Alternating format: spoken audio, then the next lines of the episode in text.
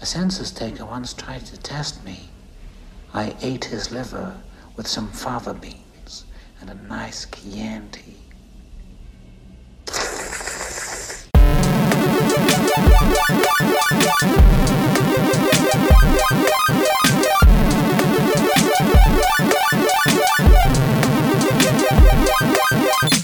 Hubert, Filip? dawno nas nie było w głośnikach tych ludzi. Nie, wcale nie tak dawno minęło. Patrzyłem dzisiaj nawet na naszej fantastycznej stronie, stronie hammerside.pl, że od y, publikacji poprzedniego podcastu minęło 18 dni. To jest mniej niż 3 tygodnie, więcej niż 2 tygodnie, czyli utrzymujemy średnią taką jak do tej pory. Dobrze, czyli jedna osiemnastka.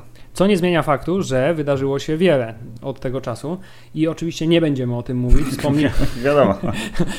wspomnimy tylko pokrótce, Filip, y, o tym, że. y, O czym wspomnimy? Wspomnimy o tym, że y, film o Hanie Solo ma problemy i, I coraz więcej ma tych problemów. Ja myślę, że część tych Burza. problemów jest wymyślonych i tylko powiemy, że jesteśmy zaniepokojeni. Tak, ale więcej o tym w podcaście Star Warsowym, który nagramy już jak niedługo. zawsze wkrótce. Tak, tak, to jest bardzo dobry termin, precyzyjny, wkrótce. Filip, yy, jeśli chodzi na przykład o nasze ulubione uniwersum Marvela, też się wiele wydarzyło. To znaczy, yy, mocarze z Sony zdecydowali, że wypuszczą 3 czwarte filmu Spider-Man w w formie krótkich klipów.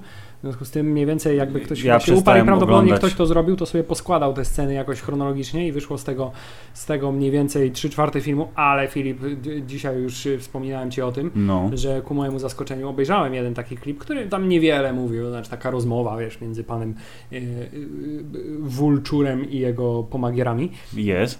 Ale patrzę, a kto tam występuje, pierwsze co, Tom Har- Hardy myślę, ale potem się okazuje, że to nie jest Tom Hardy, tylko ten koleś, który on się wygląda nazywa? jak Tom Hardy, Jak który nie pamiętam absolutnie jak się nazywa. Logan Marshall Green. Tak, i wygląda zdecydowanie jak Tom Hardy i nawet y, gestykuluje podobnie jak on, y, więc Tom Hardy jako Venom i Tom Hardy jako pomagier y, pana Sempa. Będzie Confusion.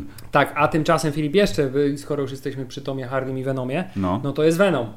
No jest Venom i jest Tom Hardy i to jest, i to jest jedna z tych rzeczy, nad którymi można się długo i głęboko zastanawiać, bo to jest tak, że Spider-Man jest przecież wypożyczony y, Marvelowskiemu uniwersum przez matołków z Sony, y, ale oficjalnie oni dalej są jego właścicielem. I Spider-Man y, jest postacią z MCU, nowy Spider-Man. Venom nie jest postacią z Znaczy, MCU, poczekaj, tylko jest Sony Marvel Universe. Tak, najpierw miało nie być w MCU, No. potem było gdzieś tam przez chwilę, że ma być, potem było, że ma być w uniwersum, które jest przyległe do No właśnie, tak, tak, tak. Marvelowego, a najnowsza wiadomość jest taka, że to jest zupełnie niezależna znowu jednak produkcja. Tak, i, i o co do cholery I chodzi? będzie się toczyła w tym uniwersum, w którym oprócz Venoma na ten moment wiemy, że i Carnage'a, który będzie Właśnie. przeciwnikiem, będzie I będzie oczywiście rated R, to jest bardzo ważne, tak? Bo To przecież teraz, wszystkie wszyscy filmy, tak. tak, tak, tak, super Krew i bohaterskie przemoc. muszą być, muszą być dla dorosłych. E, to oprócz tego w tym samym uniwersum będzie także pani y, Srebrna Szabla, która jest postacią jakoś, wydaje mi się, szalenie niszową którą ja kojarzę tylko i wyłącznie tam z kilku, do może kilkunastu numerów Spidermana, które w Polsce zostały wydane. Y, I pani Czarna Kotka. Która Mhm. z kolei jest tak mocno powiązana ze Spider-Manem, że ja sobie nie wyobrażam tego, żeby ona jakoś była jako jakaś taka zupełnie niezależna postać, chociaż wiesz, to ma być taki chyba duet, nie? Z, z nich zrobiony. Ja, ja, takie... nie, ja nie wiem, ja jestem trochę zagubiony, oprócz tego, że czekam na postać Venoma, której oddadzą No sprawiedliwość tak, na tylko że Filip, z drugiej strony, jeśli będzie Venom, którego gra Tom Hardy, co samo w sobie jest już absolutnie Yes. fantastyczne. Y, I ten Venom z jakiegoś powodu, bo się oczywiście bogaci panowie w garniturach nie potrafili dogadać, zostanie zmarnowany na jakieś przyległe albo wręcz odosobnione uniwersum, które jest Spider-Manowe, ale bez Spidermana. Mhm. Albo jak wymyślą, że Spider-Man będzie w dwóch uniwersach jednocześnie, ten sam, to to jest niestety obawa do tego, że to jest zmarnowanie postaci Filipa. Venom, jak dobrze wszyscy wiemy, jest chyba najlepszym przeciwnikiem Spider-Mana, jakiego można sobie wyobrazić. Absolutnie, zdecydowanie tak i to ciekawe może być podejście, żeby z y, czarnego charakteru albo y, dwojakiego charakteru zrobić głównego bohatera, to już jest spoko. Aktor o, takiej, o takim kalibrze jak Tom, nasz dobry renomie. renomie, to on sobie z tym poradzi na pewno, o ile dostanie fajny scenariusz. Jeszcze poczekamy trochę na to, co się tu będzie działo. Ja odnoszę takie wrażenie trochę chyba, że oni są w trakcie jakichś tam takich bardzo silnych negocjacji. Y, Że to się teraz ważą losy tego, że jakby zabezpieczają się na przypadek, gdyby się okazało, że dogadają się i to będzie w MCU i ta historia Venoma nie będzie przeszkadzać w Mhm. budowaniu całego uniwersum.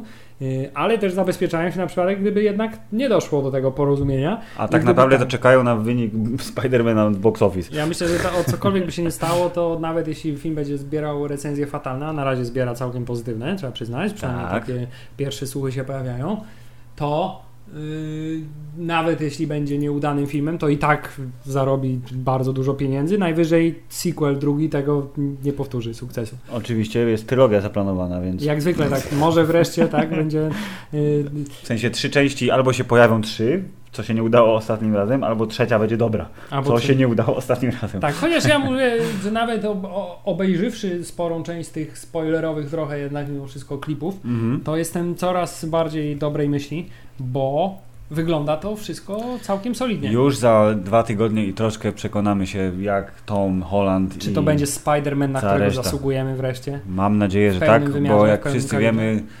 Batman jest najlepszy, ale Spider-Man jest najlepszy. Tak, i jeszcze ci powiem, kto jest najlepszy. To jest najlepszy jeszcze? Najlepszy jeszcze jest Zygzak McQueen, bo film Auta 3 jest filmem zaskakująco y, udanym. Czy jest to kalka pierwszego filmu, tylko 20 lat, nie Aha, 20, do, I to albo jest do właśnie, przodu? To jest właśnie spoiler, uwaga. To jest jeden z najlepszych elementów tego filmu, bo yy, wydawałoby się, że tak właśnie będzie. Początek jest, Mhm. jest, jest d, d, sugeruje to. Yy, I jakby to powiedzieć, pewnym momencie Tak. następuje takie, wiesz, nagle bach, zmiana i mówisz, o kurczę, ale to fajnie rozwiązali, że to jest niby powtórzenie tej historii, ale jednak kończy się zupełnie inaczej i morał tej historii jest y, zupełnie inny niż w przypadku pierwszej części, to znaczy, że musisz zawierzyć swoim przyjaciołom i musisz, wiesz, nauczyć się grać w zespole. Mhm. Tutaj Filip to jest, wiesz, to jest, wydaje mi się, że po raz kolejny to jest film taki dla dorosłego widza też mimo wszystko. Pięknie. To znaczy, bo to jest film o starzeniu się, No, czy ty rozumiesz to? I o akceptacji swojego losu, ale y, jednocześnie, że można znaleźć w tym głębszy sens i jakąś wiesz, kolejną swoją funkcję życiową. Jak mi powiedzieli, że w środku jest boom i trochę zmienia się podejście do historii, to miałem skojarzenie z innym zupełnie filmem. Spoiler, uwaga, jeśli nie widzieliście filmu Million Dollar Baby, gdzie wydawało się, że Hilary Swank będzie bohaterką filmu sportowego i to będzie klasyczny, ale taki męski, mimo tego, że kobiecy film.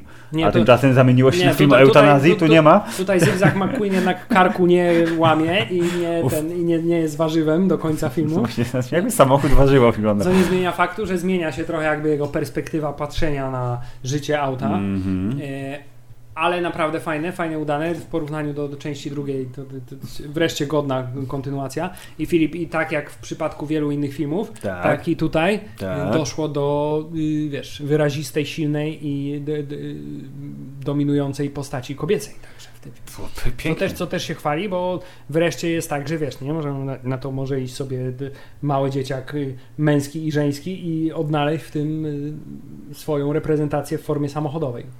Pięknie. Ja kiedyś, wiesz, chciałem być na przykład Porsche, nie? Jak byłem mały, więc może bym znalazł tu coś. Kiedyś, kiedyś może obejrzę w przeciwieństwie do części drugiej, której nie mam ochoty oglądać ani trochę. I wcale ci się nie dziwię. Yy, także polecamy, polecamy wszystkim młodym i wszystkim starym także. Okej. Ale Filip, my dzisiaj nie o tym, bo Zygzak McQueen jest wielkim autem, ale mimo wszystko dzisiaj chcemy Nie mówić... będzie sylwetka wielkiego auta, tylko y, nasz wspaniały cykl sylwetka wielkiego człowieka z takim małym trademarkiem tam u góry. Tak, i, tym, i, i dzisiaj Filip po raz pierwszy, myślę, że y, większość słuchaczy naszych stałych, a także takich y, okazjonalnych Mhm. zgodzi się, że co by nie powiedzieć, to jest to w ogólnym takim rozumieniu i tak jak wszyscy postrzegają tę osobę, Mhm. to jest to rzeczywiście wielki człowiek, a przecież nie wielki aktor. Tak, i co ciekawe, nawet taki, a może przede wszystkim taki wielki aktor, y, również ma y, swoją porcję talentosceptyków y, w internetach i dzisiaj dokładnie tak się złożyło, bo mili Państwo, tutaj wtrącam, staramy się y, z naszym fantastycznym popkulturowym podcastem Hammerzeit być bardzo na czasie, więc bohater naszego dzisiejszego Nie wychodzi nam to z nie, czasami najlepiej. Cicho. Bohater naszego sylwetkowego odcinka ma w kinach obecnie wysokiej klasy, wysokobudżetową y, produkcję o No. wysokich y, robotach w tym wypadku. Transformers 5. Czy Myślę, że jest, jest, jest dużo wysokich rzeczy w tym filmie, ale akurat klasa chyba to Tak. jest dobre słowo. Y, W każdym razie ktoś komentował Transformers 5, y, że wiadomo, straszne rzeczy, ale że co tam robi Anthony Hopkins. I ktoś napisał, że ale co wy tak z tym Hopkinsem, że on wcale nie jest takim dobrym aktorem. Ma na koncie jedną wybitną rolę, a reszta to same średniaki. Oczywiście wybitna rola to wszyscy wiemy jaka jest, chociaż może okaże się, że to nie jest ta, o której wszyscy myślimy w toku dzisiejszego podcastu się to okaże, nie wiem. Więc Filip, zupełnie z nienacka powiedziałeś No. właśnie, że bohaterem dzisiejszego odcinka będzie Sir Anthony Hopkins, Czyli jeden z rycerzy z gry o tron, bo tam wszyscy są ser. tak? Czyli pan Sir Anthony Hopkins, którego kariera aktorska jest tak długa jak... Jak rzeka Mississippi. Otóż to, tak? Chociaż on nie jest Amerykaninem wcale. Nie, absolutnie nie jest Amerykaninem. Jest człowiekiem z Walii. Ale-. Będzie, ale poczekaj, czy umawiamy się od razu, że nie robimy żadnych głupich, nieśmiesznych żartów o tym, że on jest z Walii? To znaczy, że... że... coś o waleniu, wiesz, takie haha, nie? Nie, czy bo coś? coś, jakiś, jest taki żart o Waliczykach, że nie wiem, co oni robią. Jest szansa, że może jakieś kozy są w tym, ale nie wiem, bo to jakby po prostu mi się kojarzy z y, ludźmi y, łąk. ale, ale o tym, o tym później, o łąkach może później. Anthony Hopkins, bohater odcinka. Dobrze, Filip, w takim razie zacznijmy od faktów podstawowych. Sir Anthony Hopkins jest dość stary. Wikipedia mówi 79 lat. W tym roku będzie puknie 80, proszę pana, na sam koniec, 31 grudnia. I ogólnie jest y, powszechnie uważany za y, aktora wybitnego, choć tak jak mówisz, rzeczywiście zdarzają się osoby, które. y, No jest taka opinia czasami, nie? Że e, Hopkins to zawsze gra Hopkinsa. Pewnie tak, ale to myślę dlatego, że po prostu on w każdą postać y, wkłada dużo siebie, a że on jest wszechstronnie utalentowany, co udowodnimy już wkrótce, oczytany, mimo tego, że był debilem w podstawówce, o czym sam zresztą mówił, to yy, proszę pana, to jest prawda. On gra Hopkinsa, ale Hopkins to jest po prostu człowiek renesans. Nie, że renesansu, tylko człowiek renesans. Człowiek renesans, tak, bo nawet jakby się przyjrzeć jego pobocznym zajęciom życiowym, to znaczy nie tylko tym, czym się specjalizuje, czyli w aktorstwie, czyli nie wiem, on przecież komponuje, Tak, on, on jest- maluje obrazy, Mhm. jest, jest, jest, też wielkim aktywistą, ekologiem. Oczywiście, Y, on jest jak, on jest proszę pana jak Tony Stark, tylko że aktorstwa, no jest ge- genius, billionaire, philanthropist. Tak, no. tylko nie chodzi w metalowym stroju, ale za to ma teatr nazwany swoim imieniem, co też jest całkiem niezłe. Filip, y, y, przygotowując się do tego odcinka, wiesz, my się zawsze przygotowujemy Oczywiście, bardzo. ekstensywny tak zwany research. tak zwane ekstensywne przejrzenie filmów, w których się pojawił y, i zauważyłem, że ta lista jego filmów i seriali, a także produkcji telewizyjnych jest szalenie długa. Szczególnie zaczyna na początku latach, kariery. Tak, zaczyna się w latach 60. i tak mniej więcej do roku 92, kiedy to ma miejsce ta jego przełomowa hollywoodzka rola. Y, 91? Mój Mhm. Boże. Y, w 91 to z całego tego okresu kojarzę z nazwy mniej więcej trzy albo cztery produkcje, a dwie prawdopodobnie kiedyś widziałem. Ja kojarzę tylko i wyłącznie Bunt na Bounty, który widziałem być może w telewizji dawno temu i to tyle. Ale jak to film Człowiek Słoń na A, pewno dobrze, przepraszam, słyszałeś nie, okej, przy- tak, masz rację. o tym, o tym filmie, Słusznie. a także No przecież to y, zdaje nasz się, że gdzieś, reżyser. że gdzieś tam po, po, po, pora- po, po, pokazała się też rola w filmie o właśnie, o jeden most za daleko, który też jest przynajmniej No dobra, wszystkim okej. ludziom Racja. znany tytuł. Słyszałem trochę więcej, tak, ale widziałem niewiele. I to jest taki film, który się prawdopodobnie gdzieś kiedyś w telewizji obejrzało przynajmniej fragment, bo, bo tata oglądał, nie? No wiadomo. Mniej więcej. Ale tak, ale kariera w latach 60.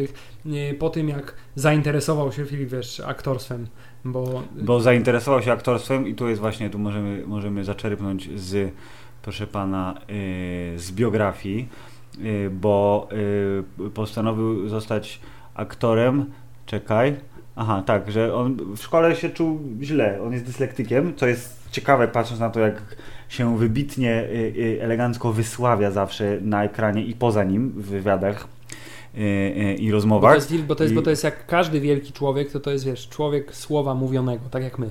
My też jesteśmy wielkimi ludźmi, zajmujemy się słowem mówionym. Rzemieślnicy słowa mówionego, a on jest artystą słowa mówionego, więc jeśli kiedyś będziemy w 5% tacy jak Antony Hopkins, Hubert, to czas umierać.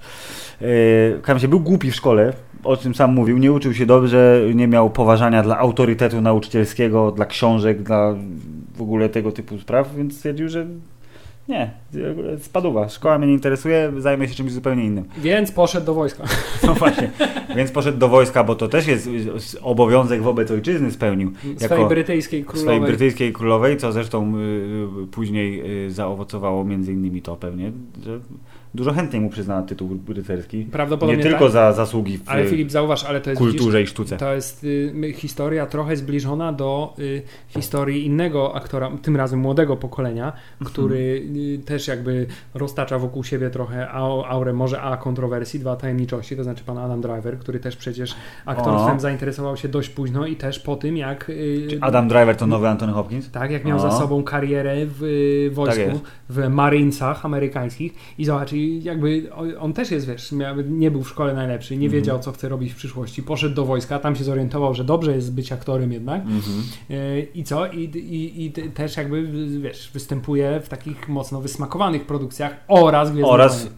tak, a te, Anthony Hopkins występuje w wysmakowanych produkcjach oraz w Transformersach 5. Znaczy, d- d- do tego, wiesz, lat, jak się ma ponad lat 70, to myślę, że Nie, no ja myślę, że on może robić co chce już od dłuższego czasu, w związku z czym wara mnie od Antonego, bo zasłużył. Tak, ale tak jak już wspomnieliśmy, Filip, do, y, od roku 65 do roku 91, czy możemy cokolwiek powiedzieć na temat jego ról w filmach? Czy pamiętasz jego rolę w filmie Człowiek Słoń? Nie, czy bo tylko pamiętasz już, Człowieka Słonia z tego filmu? pamiętam y, prędzej obrazki nawet, bo nie jestem w stanie puścić wrót tych obrazków w głowie, jak sobie myślę o tym filmie, bo to jest jeden z kilku filmów Davida Lyncha, których nie widziałem, y, w związku z czym możemy tak bardzo nie oddać sprawiedliwości temu okresowi jego kariery i powiedzieć, co najważniejsze, Hubert. YMCA był Anthony Hopkins, jest- bardzo ważne, jak był jeszcze nastolatkiem i tam y, liznął aktorstwa po raz pierwszy, ale najważniejsze spotkanie to było z słynnym jak jasna cholera Lorenzem Olivierem, który wziął go na swojego protegowanego przecież. To jest, to jest stara szkoła aktorstwa, tu nie Dokładnie. ma, w ogóle nie, już takich nie robią aktorów. No już takich nie robią, nawet y, jeden z najlepszych aktorów młodego pokolenia, y, przecież pan Michael Fassbender y, prywatnie i, i w filmie Prometeusz też się bardzo, pan Lorenz Olivier, o Lorenz Zarabi, super tutaj, wiesz, grzyweczka, blond i teges śmeges. W każdym razie y, okazało się, że Antony Hopkins jest wyśmienity i zaczął zastępować Lorenza Oliviera na deskach teatru.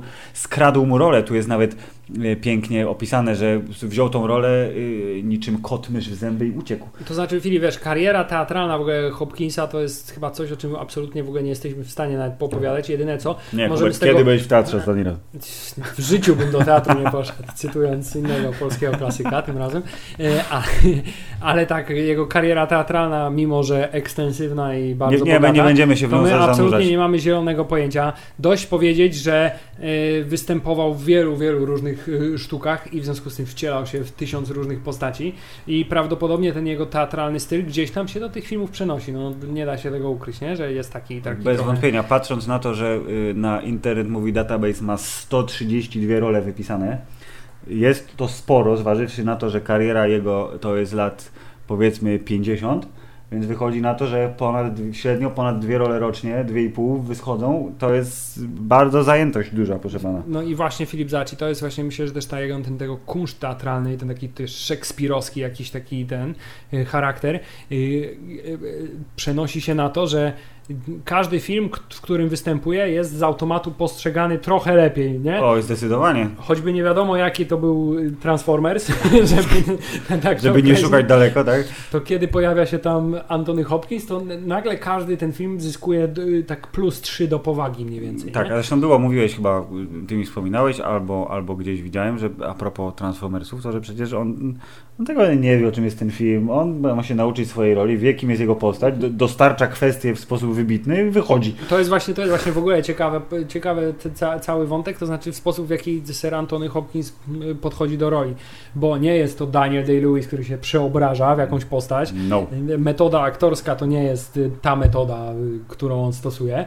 Generalnie y, z tego, co zdążyłem się zorientować, to pan Anthony Hopkins stosuje metodę mocno pamięciową. To znaczy czyta scenariusz po kilkaset razy, aż Jest, y, y, zna na pamięć każdą tak. swoją kwestię. Najczęściej pojawia się liczba 200, że 200 razy czyta scenariusz na głos, to jest jeszcze ważne, Tak. żeby ćwiczyć pamięć i, i, i dostarczać e, odpowiednią intonację i, i wszystko. I dzięki temu może kwestie wypowiadać w sposób automatyczny, zupełnie nie zastanawiając się, w- w jaki sposób je wypowiedzieć, i chyba z tego cała ta jego e, maniera mówienia wynika, że on to robi po prostu w sposób zupełnie e, naturalny, e, co podobno niektórym mm, reżyserom Tak, nie, ale, ale, nie to, wpasowuje ale to poczekaj, to ja, ja ci powiem, jak do, dojdziemy do stosownego momentu, to y, powiem co i jak a propos tego dokładnie. Dobrze. Więc może, y, proszę pana, y, pomijając wymienione y, bunt na Bounty, gdzie był dzielnym panem kapitanem, zobacz, Tak. jest dzielny, w Pomijając- wspomnianym moście za daleko, gdzie ma wąsa Gdzie ma wąsa i jest żo- dzielnym żołnierzem. i, i pomijając doktora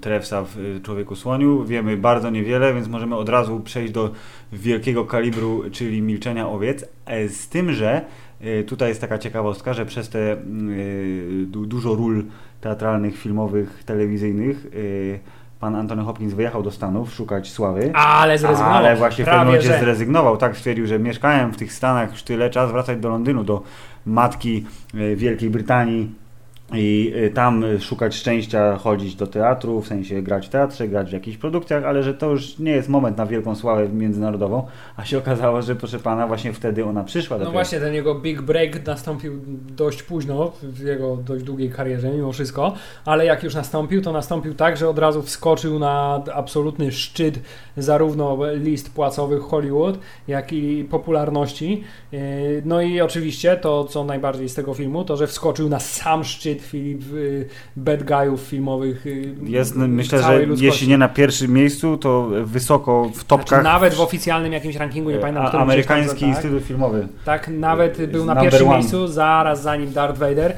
No. e, więc myślę, że Nieliche osiągnięcie. tak, miał dosyć silną konkurencję, a mimo wszystko i myślę, że całkiem słusznie, bo nie, nie oszukujmy się, Filip, to co się zapamiętuje z filmu Milczenie Owiec, przynajmniej po pierwszym obejrzeniu, to jest pan Hannibal Lecter i jego absolutnie mordercze spojrzenie, e, Tak. gdzie po raz kolejny ten chyba teatralny kunszt, kunszt Antoniego Hopkinsa gdzieś tam wyszedł, bo to jest taki, wiesz, gentleman, który jest, chcecie zamordować po prostu w każdej sekundzie. W każdej sekundzie. który mimo, że nic nie robi, to jest tak cholernie przerażający, że... No dobra, to teraz, to teraz jak ma- masz sobie przypomnieć jakąś jedną konkretną rzecz z Milczenia Owiec w wykonaniu pana Hopkinsa. Każdy wie, że tą jedną rzeczą, którą każdy chyba pamięta z milczenia, No. jest które też było jedną z kilku zaimprowizowanych rzeczy na planie, a przeszło do historii kina. Ale mi najbardziej zawsze siedzi w głowie y, scena z klatki y, tej, któraś tam gdzieś ona była, generalnie druga połowa filmu, gdzie panowie y, medycy przyjeżdżają, bo przecież się działy straszne rzeczy i on y, odcina twarz Tak, pa, panu, którego zabił, nakłada ją sobie i wyjeżdża jako zwłoki. Y, więc myślę, że... po czym w karetce Tak, wstaje i zdejmuje twarzy. Tak, z- no, więc myślę, że bardzo, bardzo, ale to dużo jest takich momentów, więc nawet główny zły, którym przecież był e, pan Bill, e, szyjący sobie ubrania ze skór kobiet, mimo tego, że rola wyśmienita również, to jednak zbladł w obliczu geniuszu pana No Lektera. właśnie, i to jest też taka ciekawostka, że w tym filmie pan Antony Hopkins występuje przez 11 minut, zdaje się, i to jest najkrócej, kiedy aktor występuje w jakimś filmie i dostaje Oscara za główną rolę męską. No bo to taka rola, że Jezus Maria, no. No. Poza tym Milczenie Owiec i tak jest jednym z rekordzistów, bo przecież to jest jeden z kilku filmów, który dostał wielką piątkę e, Oscarów, bo jest e, reżyseria, scenariusz, e, najlepszy film, Antony Hopkins za swoją rolę i czy pani Clarice dostała, bo teraz się zagubiłem, poczekaj, wyklikam to. E, Scena- tak jest, No pani tak Jodie. Foster. Czyli, czyli absolutnie wszystkie najważniejsze na- nagrody, które można zdobyć. Y, I całkiem słusznie, bo Milczenie Owiec, jak wszyscy wiemy, to jest y, film, w którym udało się absolutnie wszystko. No tam nie ma chyba w tym filmie elementu, który by się nie powiódł. Hubert, i teraz, y, mimo tego, że troszeczkę zaspoil- zaspoilowaliśmy, to trzeba powiedzieć, ej żony, chcicie obejrzeć ten film z nami. Do No cholery. właśnie, to, jest na więc chciałem powiedzieć, że moja żona absolutnie nie jest w stanie się przekonać do tego filmu y, ani trochę i do dzisiaj jakąś totalny strach w niej wzbudza. Zresztą moje opowiadanie o scenie z noktowizorem też prawdopodobnie nie pomogło w tym trochę. Bo to jest bardzo dobra scena, mimo tego, że nie występuje w niej Antony Hopkins. tak jest. Y, Nie no, to jest film, który wiesz, jak się oglądało pierwszy raz jako dzieciak na jakiej wiesz, nielegalnie wypożyczonej Na nielegalu, jak, VHS, jak, jak raperzy. to robił takie wrażenie, że potem przez parę nocy prawdopodobnie nie dało się spać w żaden sposób. Nope. Chyba, że się wiesz, go oglądało razem z kolegami w jakiejś dużej grupie, to wtedy wiesz, każdy z twardy nikt się nie ten. Nie, No nie, nie, powinien ja się bałem, nie, super film, no pewnie. Tak czy siak, rola genialna, pan Hopkins w tej masce, która, no generalnie tyle ujęć z tego, z tego, z tego filmu przeszło do historii, on w tej za szklaną szybą, tak? Jego Mm. nie, nieskazitelnie po prostu zawsze wyprasowana koszula, spodnie, wszystko równo. A jak miał nawet ten więzienny kubraczek, też było równo Otóż to, elegancko. tak, fryzura, która zawsze pięknie zaczesana, jego elegancja, jego y, absolutnie niezawodny nos, który rozpoznaje wszelkie I teraz Hubert, i jego niezawodna psychoanaliza. oczywiście, ale teraz patrz, mów- mówiłeś, że niektórzy twierdzą, że Hopkins gra Hopkinsa, czy Hopkins jest trochę kanibalem. no W takim właśnie, razie, właśnie skoro tak przekonująco zagrał Lectera. Właśnie za chwilę dojdziemy do prawdopodobnie do filmu, który y, udowodni, że tak nie jest, bo gra postać zupełnie skrajnie inną i to jest druga rola, w której się sprawdza, bo Hopkins się sprawdza jako psychopata i najlepiej i Mhm. jako y, gentleman. Okej, a w przypadku jednak Hannibala Lectera jest to gentleman psychopata. Tak jest. To jest kompletna paczka. Tak, a, a chociaż jednak mimo wszystko bardziej psychopata niż, niż, niż, niż gentleman. Ale Filip, to, to, to na początku lat 90. zaczęła się ta taka pasa dobrych filmów Hopkinsa, nie, nie jakby Tak, Transformersów, nie dobrych filmów Hopkinsa i trzeba przyznać, że w czym by nie wystąpił, to było dobrze. W 92 roku jest aż 6 filmów, w których y, zagrał Anthony Hopkins. Ja y, y, niestety na liście mam tylko jeden, ale również fantastyczny, bo Dracula pana Coppoli jest jednym z moich ulubionych filmów do dzisiaj, przez wzgląd na absolutnie wszystko. I Hopkins jako Van Helsing tylko się dokłada do wypasu, który się dzieje na ekranie. Y, i y, mimo wielkiego szacunku i sympatii do pana Hugh Jackmana, to jednak jego Van Helsing Znaczy to zupełnie inny jakby oprócz kaliber tego, że- postaci mimo wszystko. nie? Tak, ale taki rozrywkowy y, Van Helsing, który mógłby się sprawdzić, gdyby był umieszczony w lepszym filmie niż w filmie Van Helsing, to y, y, jednak nie równa się z panem Hopkinsem, ale y, no, y, szacunek za to, że próbował. W każdym razie, Znaczy, Dracula, kolejny film, w którym udało się prawie wszystko, może za wyjątkiem akcentu Keanu Reevesa. ale to odsyłamy do y, sylwetki wielkiego człowieka Keanu Reeves odcinków Widzisz, jak te temu. wielkie pila- sylwetki ludzi, jak się po prostu jak się przeplatają, nie? Jak Oczywiście. Świat, efekt małego świata mimo wszystko yy, tutaj także ma miejsce, bo wiesz, wielcy ludzie mm, występują w wielkich filmach, no taka jest prawda, no. Y, Drugi duży film z roku 92, Powrót do Howard's End, który według filmu jest całkiem wysoko na liście filmów, które powinny mi się podobać. Niestety go nie widziałem, a obstawiam, że byłby się podobał również mojej połówce, gdyż są piękne kostiumy i jest to, y, proszę pana, trochę dawno się dzieje. Film I, historyczny. No, jest y, melodramat i kostiumy. I od razu pana, jestem przekonany, że w tym filmie Antony Hopkins grał właśnie gentlemana. gdyż nazywa się Henry J. Wilcox i to ewidentnie musi być super. Ale no jakby nasza tutaj, y, y, ignorancja kulturowa nie pozwala zagłębić się bardziej, więc możemy e, hasnąć dalej i tu właśnie zaraz jest ten film, o którym wspomniałem jakieś 6 minut temu. E, Okruchy dnia, Filip, muszę to powiedzieć. proszę. To jest mój ulubiony film z Antonym Hopkinsem. To jest film, który widziałem około 45 razy w swoim życiu A patrz, który- a ja nie. i który mogę oglądać Wiecznie. praktycznie raz na tydzień i myślę, że nigdy mi się nie znudzi. I wszystko tylko i wyłącznie yy, jest zasługą tego, że Antony Hopkins w tym filmie jako pan James Stevens, Mhm. yy, kamerdyner, Mhm. yy, rola życia moim zdaniem. No, to jest po prostu kwintesencja angielskiego gentlemana z niższej klasy społecznej mimo wszystko, który no nigdy, nigdy, nigdy nie rezygnuje z takiego, takiego wiesz, z pozy takiej dystyngowanej. W żadnej sytuacji nawet nie pozwoli sobie na mm, jakieś swoje osobiste uczucia, żeby, żeby wzięły górę nad, nad, nad jego zachowaniem. I hipnotyzująca rola, która absolutnie od początku do, końcu, do końca ten film się opiera na tej postaci, moim zdaniem. Cała reszta też jest spoko, ale Hopkins w okruchach dnia to jest mistrzowski Hopkins. bardzo się cieszę, że powiedziałeś na ten temat, y, na temat tego filmu na tyle dużo, bo spoiler, to jednak nie jest ten film, o który mi chodziło. Rozumiem. Znaczy nie spoiler, tylko twist chciałem powiedzieć. Twist to nie jest ten film, ale ten film, o którym mi chodziło jest z tego samego roku, bo jest to Cienista Dolina. Rok pański 1993. Yy, bo tu chodziło o nawiązanie do metody aktorskiej, o której wspominałeś, czyli że nie wszyscy są y, y, kompatybilni z tym, jak Anthony Hopkins podchodzi do ról. Y, I w filmie, y, w filmie Cienista Dolina grał u boku Debry Winger, która to Debra Winger bardzo chciała być próbować, wielokrotnie próbować, odgrywać sceny, żeby się przygotować do, do, do nagrania już w oku kamery, żeby wyglądać dobrze. Anthony Hopkins jest znany z tego, że on ćwiczy sam, to znaczy właśnie uczy się tekstu, a potem idzie i gra. I to jest dobre. Y, więc pan reżyser Richard Attenborough musiał ćwiczyć z Deborah Winger za Hopkinsa 5, 6, 10 razy i jak ona była już gotowa, to wchodził Hopkins i oni grali razem, jeden, dwa ujęcia, zaliczone. I dopiero wtedy było dobrze. Ona się rozpędzała, a on przychodził gotowy. I musieli się spotkać, proszę pana, w połowie drogi. Tak, widzisz, Filip, a w filmie Okruchy Dnia e, pan e, Antony Hopkins starł się z innymi, wtedy jeszcze niektórymi mocno, ale niektórymi mało znanymi aktorami. Czy z Supermanem się starł, Tak, oczywiście pan Christopher Reeve także gra w tym filmie i to jest taka e, rola, gdzie rzeczywiście, wiesz, miał coś do zagrania, nie? A nie mm. tylko ładnego, silnego chłopca. Grał w tym filmie także pan Peter Von, który jest znany z...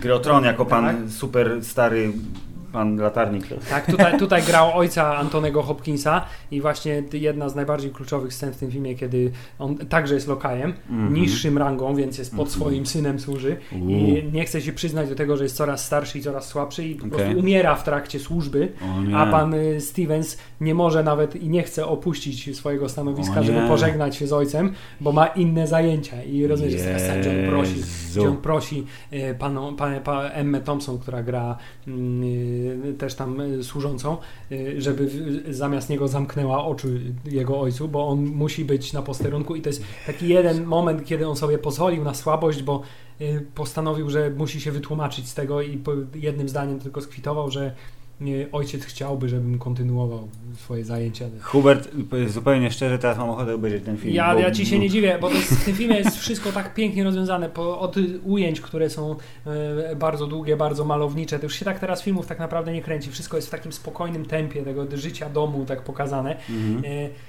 bardzo mocno, bardzo mocno klimatyczny film, który każdy powinien zobaczyć przynajmniej raz. Jeszcze mam trochę I czasu. poruszający, no. wiesz, też mm -hmm. bardzo ważne wątki, zarówno takie osobiste, czyli wiesz, nie, jak, czy, czy rezygnacja ze swojego szczęścia w imię, oh. mimo wszystko dziwnej takiej idei jest okej, okay, ale też porusza wątki, wiesz, takie globalnie europejskie, bo to jest, dzieje się akcja w momencie, kiedy nazizm w Europie się rodzi i podejście brytyjskich, wiesz, lordów do mm -hmm. negocjacji z Hitlerem i kombinowania na wszelkie, żeby się z nim ugłaskać też jest dosyć kontrowersyjna. Okay. A pan Christopher Reeve jako Amerykań, przedstawiciel z Ameryki mówi, że nie wiem, trzeba bardzo w ogóle wiele ten, a także bardzo ciekawa ten, bardzo ciekawa y, jedna scena, w której pan Antony Hopkins gra z, obok młodego, młodziutkiego wtedy jeszcze Hugh Granta tak. i uczy z lekcji aktorstwa dla Hugh Granta po prostu. No wiadomo. Bo pan Lord, który uznał, że Hugh Grant, czyli jego jakiś tam bratanek, czy ktoś jest już w tym wieku, że zaczyna się interesować kobietami, a wtedy po, po, wiesz, widać, że koleś oblatany, lat. tak, oblatany i wysyła pana e, Antonego Hopkinsa, żeby z nim pogadał na temat, wiesz, pszczółek, pszczółek ptaszków, i ptaszków, i tak. tak, jak to zwierzątka się ten i wychodzi z tego taka, wiesz, taka bardzo e, zabawna, ale nieoczywista komedia i ewidentnie to była, wiesz, szkoła aktorstwa, którą wielki człowiek Antony Hopkins jeszcze wtedy niewielkiemu człowiekowi Hugh Grantowi Dobrze, czyli tak jak Keanu Reeves wysysa sławę ze swoich kolegów na początku kariery e, lub ociera się o ich geniusz, jak otarł się o Antonego Hopkinsa w Drakuli, tak Antony Hopkins potem dzielił się talentem z młodszymi e, kolegami. Tak, ale pan Pięknie. Antony Hopkins y, y, nie zamknął się tylko w roli y, brytyjskiego dżentelmena, bo już niedługo czy mówimy o tym filmie tu? Tak, w roku 94 przekazał Filip, wiesz, po prostu sławę i, i, metodę swoją aktorską kolejnemu tu, tu się, tu się ten... przystojnemu młodemu człowiekowi, którego kariera rozwinęła się potem dramatycznie. Miałem Hubert nadzieję, że powiesz, że przekazał pałeczkę yy, gwiazdorstwa i talentu Bradowi Pittowi, a ja wtedy powiedział, nie Hubert, to była pała i bym tak powiedział, bo jednak potem panowie się spotkali, no, spotkali na się tak. ekranie, tak. a ale Brad Pitt, Pitt wtedy Brad wyrastał Pitt, na... Ale Brad Pitt, wiesz, Brad Pitt pałeczkę przejmował od wielu, bo zarówno od Hopkinsa, no. przejął też pałeczkę od pana przecież Roberta Redforda, nie pamiętam y, Spy Game. Tak, więc myślę, że y, pan Brad kilka, Pitt nie jedną pałeczkę dzierżył w swoim czasie. Okej. Niech będzie, tak, ale on tutaj dobrze, masz rację. Anthony Hopkins był, teraz był Amerykaninem z wąsami. Tak, Pułkownik Lalo, to jest taki, wiesz, to jest No. taki klasyk, to jest po prostu klasyk po prostu kina lat 90. gdzie y- piękni mężczyźni, piękne kobiety, Tak. szerokie horyzonty i miłe, zakazana miłość. Tak, i okładka VHS-u, gdzie są, wiesz, rozmazane krawędzie i głowy w, w, na tle jakiegoś krajobrazu, nie? Aktorów. Y, k- Legenda, y, znaczy y, estet- film, estetyka VHS-u, która y, y, nie powinna zginąć, bo jest częścią naszej y, popkultury, y, ale ona zbyt często jest pokazywana na poważnie. Raz jeszcze, no to jaki plakat zrobimy? No y, latające głowy na niebie, a na dole płonąca stodoła.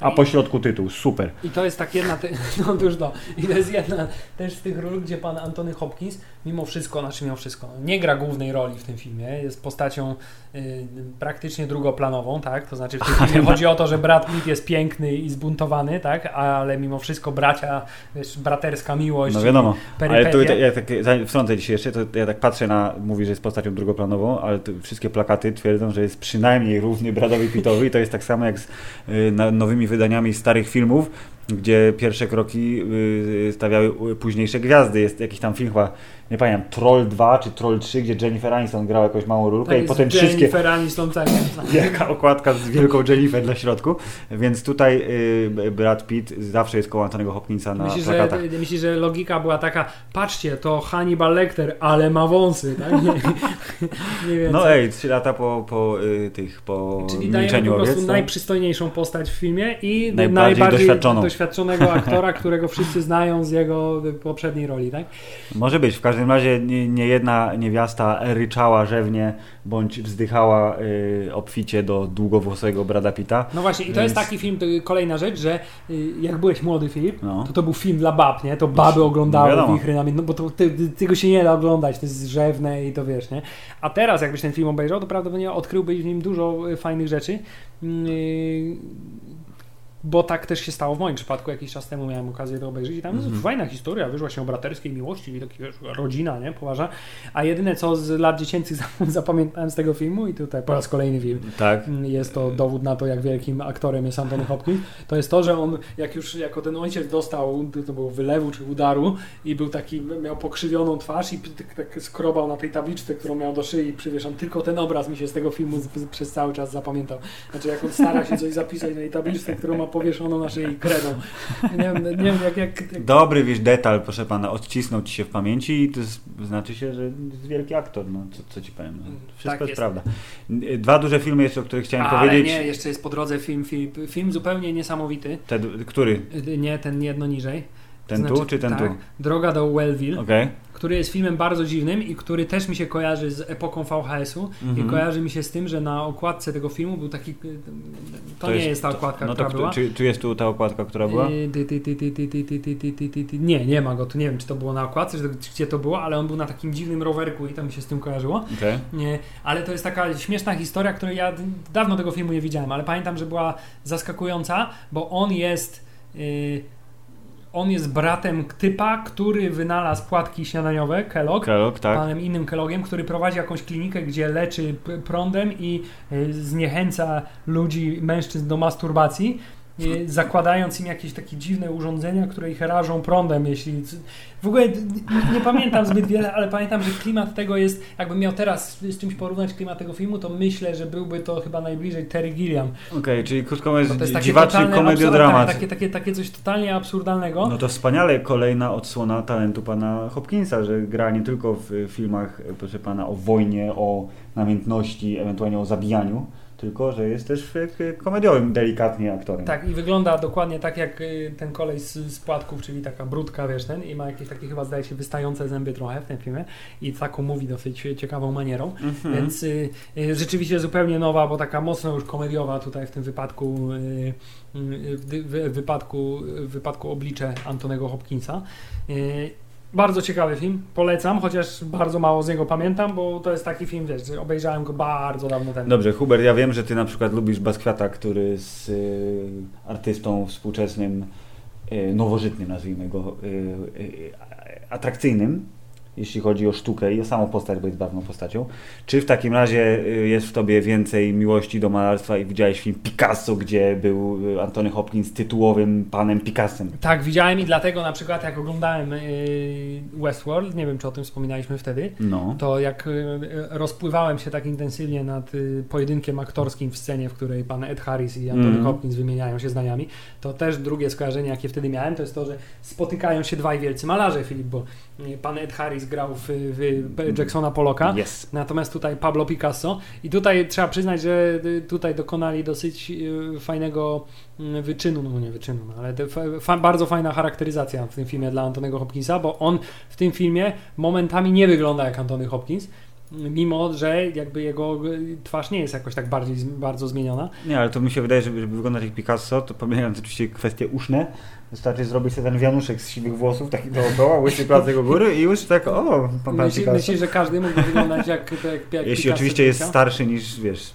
40 lat, to... Tak, w tym filmie fajne było to, że pokazali, że Picasso był naprawdę ty, ty, ty, fatalnym draniem, nie? I że nie, nie, nie był specjalnie sympatycznym człowiekiem za swojego życia, mimo że był szalenie skomplikowaną oczywiście postacią. Jezu, to- Hubert, ja powiedziałem kwestię uszna, to przecież nie Picasso sobie ucinał ucho. Co ja, co ja zrobiłem? Czemu ja tak powiedziałem? Nie no, myślałem, że chodzi o to, że te uszy jednak ma dosyć... No nie, ja w ogóle chcia- Takie chciałem- wy, wymowne, nie? A ci chodzi o, rozumiem, odcięte no, ucho. Tak, o Van Gogha. No tak, to jest właśnie...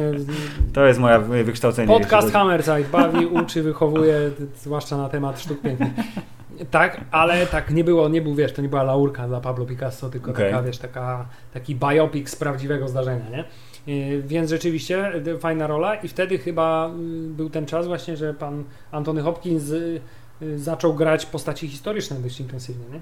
I wtedy to był czas jeszcze tutaj z zupełnie innej beczki, kiedy premiery filmów odbywały się kilka miesięcy po premierze W tym amerykańskiej. wypadku pół roku ponad. Wrzesień Rany boskie. 96 versus maj 97. Tak. Ale to tak, y, y, tak na, na z boczku i na marginesie. Y, Pan Nixon, rozumiem, jest inną postacią historyczną. Tak, bo każdy film, każdy wielki człowiek Musi zagrać wielkiego aktorem, prezydenta, tak? Musi zagrać prezydenta. Nie? W tym wypadku Antony Hopkins, jemu przypadła rola dość słabego prezydenta, w sensie takiego dość bardzo charakterystycznego, to prawda, ale mimo wszystko wiesz, no nie zapisał on się jako jakiś taki wiesz, wielki przywódca. Bardziej Trump niż y, No, Obama, tak, nie? tak, tak, tak, tak. I, ale wolę, proszę pana, jest iście prezydenckie, chciałem powiedzieć. Znowu charakteryzacja, myślę na piąteczkę yy, Zakola i wszystko, ale masz rację, myślę, że każdy wielki aktor musi zagrać przywódcę w jakiejś formie, więc Antony Hopkins to odhaczył. Co nie wiem, czy jeszcze co był później co prezydentem, co nie pra- był. Co prawda jego Nixon y, nie jest może, nie wiem, bo y, y, Nixon, jak pomyślisz o postaci y, Nixona w filmach, to Mhm. mi zawsze przychodzi na myśl jakieś takie totalne, karykaturalne, jak nie wiem, w Watchmen był Nixon, prawda? Okej. Który miał taki absolutnie gigantyczny nos i tą brodę, tak, był taki totalnie już zdeformowany i z tym mi się raczej... y, Jest jeszcze Nixon w wersji parodystycznej mocno w y, durnowatym filmie slash serialu Netflixowym Wet Hot American Summer. Tak, i jeszcze jeśli mnie, tak z ostatnich czasów, to jeszcze jest ten film y, Kamerdyner, zdaje się, na temat y, tego czarnoskórego, który w Białym Domu y, robił za Yy, tak, tak, tak, tak, i który tak, właśnie tak. przeżył iluś tam prezydentów Tak. od, od i między innymi tam też był Nixon, który też był mocno y, nohala miał dorobionego, tak to nazwijmy. Ale tak, Antony Hopkins, Filip, jak widzisz, żadnej roli się nie boi. I ja chciałem teraz powiedzieć o filmie kolejnym, teraz ja chcę powiedzieć, bo tu jest kolejne otarcie i to jest w ogóle podwójne otarcie. Y, Pierwsze otarcie, y, mowa o filmie Lekcja Przetrwania. Pierwsze otarcie to jest wybitny Anthony Hopkins kontra bardzo przez nas lubiany, fantastyczny Alec Baldwin, którego będziemy lubić do końca życia jego lub naszego. To jest jakiś taki film, oni coś tam w lesie... Ja Tak, to, to chodzi o to, że Anthony Hopkins ma piękną żonę i ma współpracownika młodszego i ten współpracownik, czyli Alec Baldwin i ta Czyli żona najlepszy aktor w historii. Teges. Śmeges i oni lecą właśnie hen gdzieś na jakieś polowanie, czy zabieram cię na business trip, czy whatever, nieważne, tam gdzie samolot się rozbija w amerykańskim lesie, jak wszyscy wiemy, amerykański las to jest tak 20 puszcz białowieskich, bo za cholerę nie wyjdziesz tam, jak się rozbijesz w środku. I to jest lekcja przetrwania dosłownie, bo panowie muszą, wiesz, wszelkie antagonizmy zakopać głęboko i wyjść po prostu z pułapki, którą jest natura w tym wypadku. I to jest pierwsze otarcie, czyli Anthony Hopkins i Alec Baldwin w jednym filmie, co już samo w sobie jest bardzo spoko, a drugie otarcie, to jest ciekawostka, że w filmie Lekcja Przetrwania dosyć prominentną rolę odgrywał niedźwiedź, który był zagrożeniem oczywiście, bo chciał ich zjeść. niedźwiedziem był, i to mi się strasznie podoba, proszę pana, yy, gdzie to jest, był yy, Bart, yy, niedźwiedź Bart, który ma swoją stronę na Wikipedii. Yy, jest napisane, yy, że to jest Bart the Bear, jest born, died i że jest occupation, bear actor. 23 lata, zmarł na raka, proszę pana, niedźwiedź Bart, ale Antony Hopkins zagrał z Bartem w lekcji przetrwania, a wcześniej we wspomnianych wichrach namiętności i dzielili ze sobą sceny i podobno Antony Hopkins... Rzeczywiście w tym filmie też był ten niedźwiedź taki... I to jest ten sam niedźwiedź, to jest oni ten się znali, rozumiesz? Są oni koledzy zna... z planu. Tak, dokładnie. Czyli, czyli Antony Hopkins y, karierę zapewnia nie tylko młodym aktorom, tak. ale także dzikim jest, zwierzętom. I to jest właśnie super, że on z tym, raz, że zagrał z tym niedźwiedziem wtedy i się polubili, bo podobno mówi, że na planie, potem na planie lekcji przetrwania, że on po prostu siedział i godzinami obserwował niedźwiedzia, jak pracuje, że to było strasznie sympatyczne, że jakby czuł, wiesz, potęgę zwierzęcia, tu jest napisane, tak jak Anthony Hopkins według y, Internet Movie Database ma 1,74 m. Bart the Bear ma 2,90 m wzrostu i waży 680 kg, to znaczy ważył, kiedy był w pełni sił. E, I y, pan reżyser, y, i pan trener, i wszyscy mówili, że Antony Hopkins traktował niedźwiedzia jak kolegę z planu, dosłownie, że to po prostu jego aktor, kumpel aktor, z którym trzeba zagrać odpowiednią ilość scen. I że się poznali, polubili i no wiadomo, więc chciałem powiedzieć, że kariera Niedźwiedzia i kariera Antonego Hopkinsa dwukrotnie się zetknęły i to jest super i to powoduje, że Antony Hopkins jest jeszcze lepszy. Jest jeszcze lepszy i prawdopodobnie, wiesz, z kolei Niedźwiedź Bart prawdopodobnie natknął go do tego, że tak teraz y, pan Antony Hopkins promuje wszelkiego rodzaju ekologiczne rozwiązania. Tak, to możemy wtrącić, że przecież Antony Hopkins jako rodowity Walijczyk, y, on bardzo cisnął, żeby y, nie zrujnowali krajobrazu tamtejszego i najwyższa góra Mount Salomon chyba, jeśli nie mylę, tamże, czyli w Walii została jakby skracając to, została kupiona przez Antonego Hopkinsa po to, żeby wszyscy odpieprzyli od tego, bo był zagrożony jakiś tam park narodowy, więc powiedział, macie tu milion funtów, won. Czyli jeszcze bardziej, bardziej jak ten, jak, jeszcze jest bardziej jak Tony Stark, który po prostu, jak szybko możemy to kupić, tak? Dokładnie. Więc myślę, że bardzo się cieszę, że kocha zwierzęta i super. E, następny film z roku 97 Amistad, yy, który jest filmem Stevena Spielberga i tu jest kolejna ciekawostka yy, nawiązująca do metody aktorskiej, że on tam... A to jest chyba w ogóle, to chyba jest film telewizyjny, tak mi się wydaje, nie? Czy nie? Czy to nie, był film nie, kinowy? Nie, nie, no chyba kinowy. U nas jest napisane, że był w kinie. Tylko trzy miesiące po premierze no proszę, czyli, amerykańskiej. Czyli nie, ja go nigdy nie widziałem w całości, zawsze ja, we fragmentach. Ja z tego filmu tylko pamiętam pana Digimona. Digimona. Digimon. Digimon Honsu. Digimon Honsu, który w tym filmie tylko Give us us free! Give us us free! Tylko to pamiętam, że on tak mówił. Okay. I to, że na początku gdzieś tam była ta scena, gdzie oni na tym stad, ale no, ja nigdy nie wiem. Proszę pana, film o niewolnikach i o statku. No to jest jakby ten i Steven Spielberg i szacunek wybitnego reżysera już wtedy, pana Stevena Spielberga, który od 20 bez mała lat już pokazywał, że jest zajebisty w tym, co robi, e, to tutaj Anthony Hopkins e, pokazał właśnie, jak świetnie przygotowuje się do roli i trzasnął siedmiostronicowy monolog e, z pamięci na planie kilkokrotnie, Każde ujęcie oczywiście na pewno było rewelacyjne, ale że Steven Spielberg takiego szacunku nabrał, że nie był w stanie mówić do niego tak jak zwykle reżyserzy się zwracają do aktorów po imieniu, nie było Tony, tylko zawsze był Sir Anthony. Sir Antony, podejdźmy tutaj, może zróbmy to i to. To było dobre, to proszę lepiej. Filip, to co teraz powiedziałeś no. przypomniało mi o czymś, do czego wrócimy przy jednym z kolejnych filmów, ale to Uu. chwilę później. Uuu, zostańcie z nami. Tak, właśnie, właśnie to. E, ale tak, no i to jest to, nie wiem, czy to już o tym wspominaliśmy, że pan, oprócz tego, że pan Sir Antony Hopkins to zapamiętuje na pamięć absolutnie cały scenariusz mm -hmm. po to, mhm. żeby móc go z serca wypowiedzieć, mm -hmm. to zaraz po tym, jak scena, jak słyszy, dobra akcja, ma, ko, cięcie, mamy to, mm -hmm. tak? To, absolut, to od razu wyrzuca z pamięci. Tak, że on nie zapamiętuje tekstu w ogóle, że po latach nie jest w stanie sobie przypomnieć scenariusza, bo zwalnia przestrzeń dyskową na nowe Tak, generalnie jest, istnieje tu pewne podejrzenie, że jest jakimś takim swoistym androidem, który po prostu ma ograniczoną gdzieś tam przestrzeń dyskową. To Jezu, czy Westworld to jest prawda? No właśnie, teraz się okaże, że wiesz, został zastrzelony, a tak naprawdę to nie ma znaczenia. Ale... O, wspaniale. No. Y, Amistad odhaczony, potem jest, y, proszę pana, rok, rok, rok rozrywki. Rok rozrywki, ale też rok, y, wiesz, takiego taniego melodramatu, można powiedzieć. Troszkę tak. Maska Zorro jest ewidentnie filmem mocno rozrywkowym i takim No, bierzemy fajną legendę, y, dokładamy do niej dolary i... Dok- dokładamy Antonego Hopkinsa, dokładamy Tak. Banderasa, bo jest wtedy szalenie Tak. popularnym Bo przecież aktorem. tak, dokładnie, po Desperado Banderas mógł robić co chciał, mieć kogo chciał. Tym wypadku miał Hopkinsa, Hopkins się o niego otarł, tylko talentem prawdopodobnie, aczkolwiek Banderas nigdy chyba nie stał się wybitnym aktorem. I to jest jeden z tych filmów, gdzie właśnie Hopkins jest wykorzystywany jako nazwisko i jako postać, która się pojawia. I znika. y, Po to, żeby jakby popchnąć ten film, żeby ludzi zainteresować. Takie odniosłem przynajmniej wrażenie.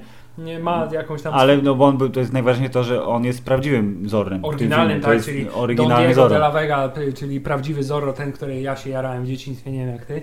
No wiadomo. tak, to był on, natomiast y, y, nowy Zorro jest jakimś tam y, banitą, który jest przez niego wyuczony, tak? Na, na, na Trochę jak w życiu. Banderas jest aktorem Jak Zygzak banitą. McQueen film, to jest dokładnie wszystko to samo, tak? Almaska Zorro, pierwsza, pier, y, ja to nazywam pierwsze Zorro, bo jest jeszcze drugie Zorro Tak. i pierwsze Zorro jest filmem typowo rozrywkowym, ale Mhm. udanym filmem rozrywkowym, fajnie się ogląda i na moja osobista refleksja na temat tego filmu, że mi się bardzo kojarzy z naszym pobytem w Irlandii, bo pamiętam, że u naszej koleżanki w chacie jak byliśmy, No.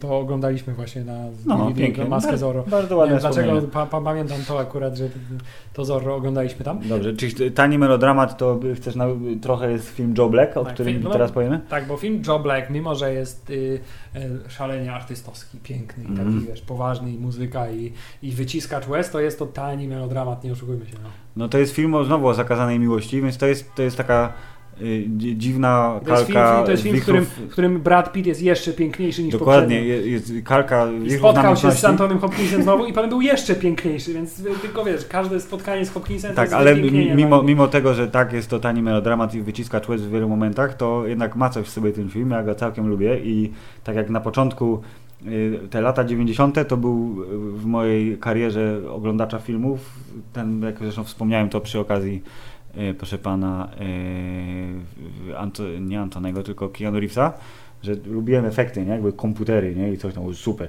I jak się okazało, że to jest film o śmierci, dosłownie i w Ty, przenośni, a to w bo tym, przecież... on, on tak dwa razy oberwał, nie? Tymi samochodami. W jedną i w drugą stronę, Tak, prawda? tak, to tak, było tak, dobre. tak.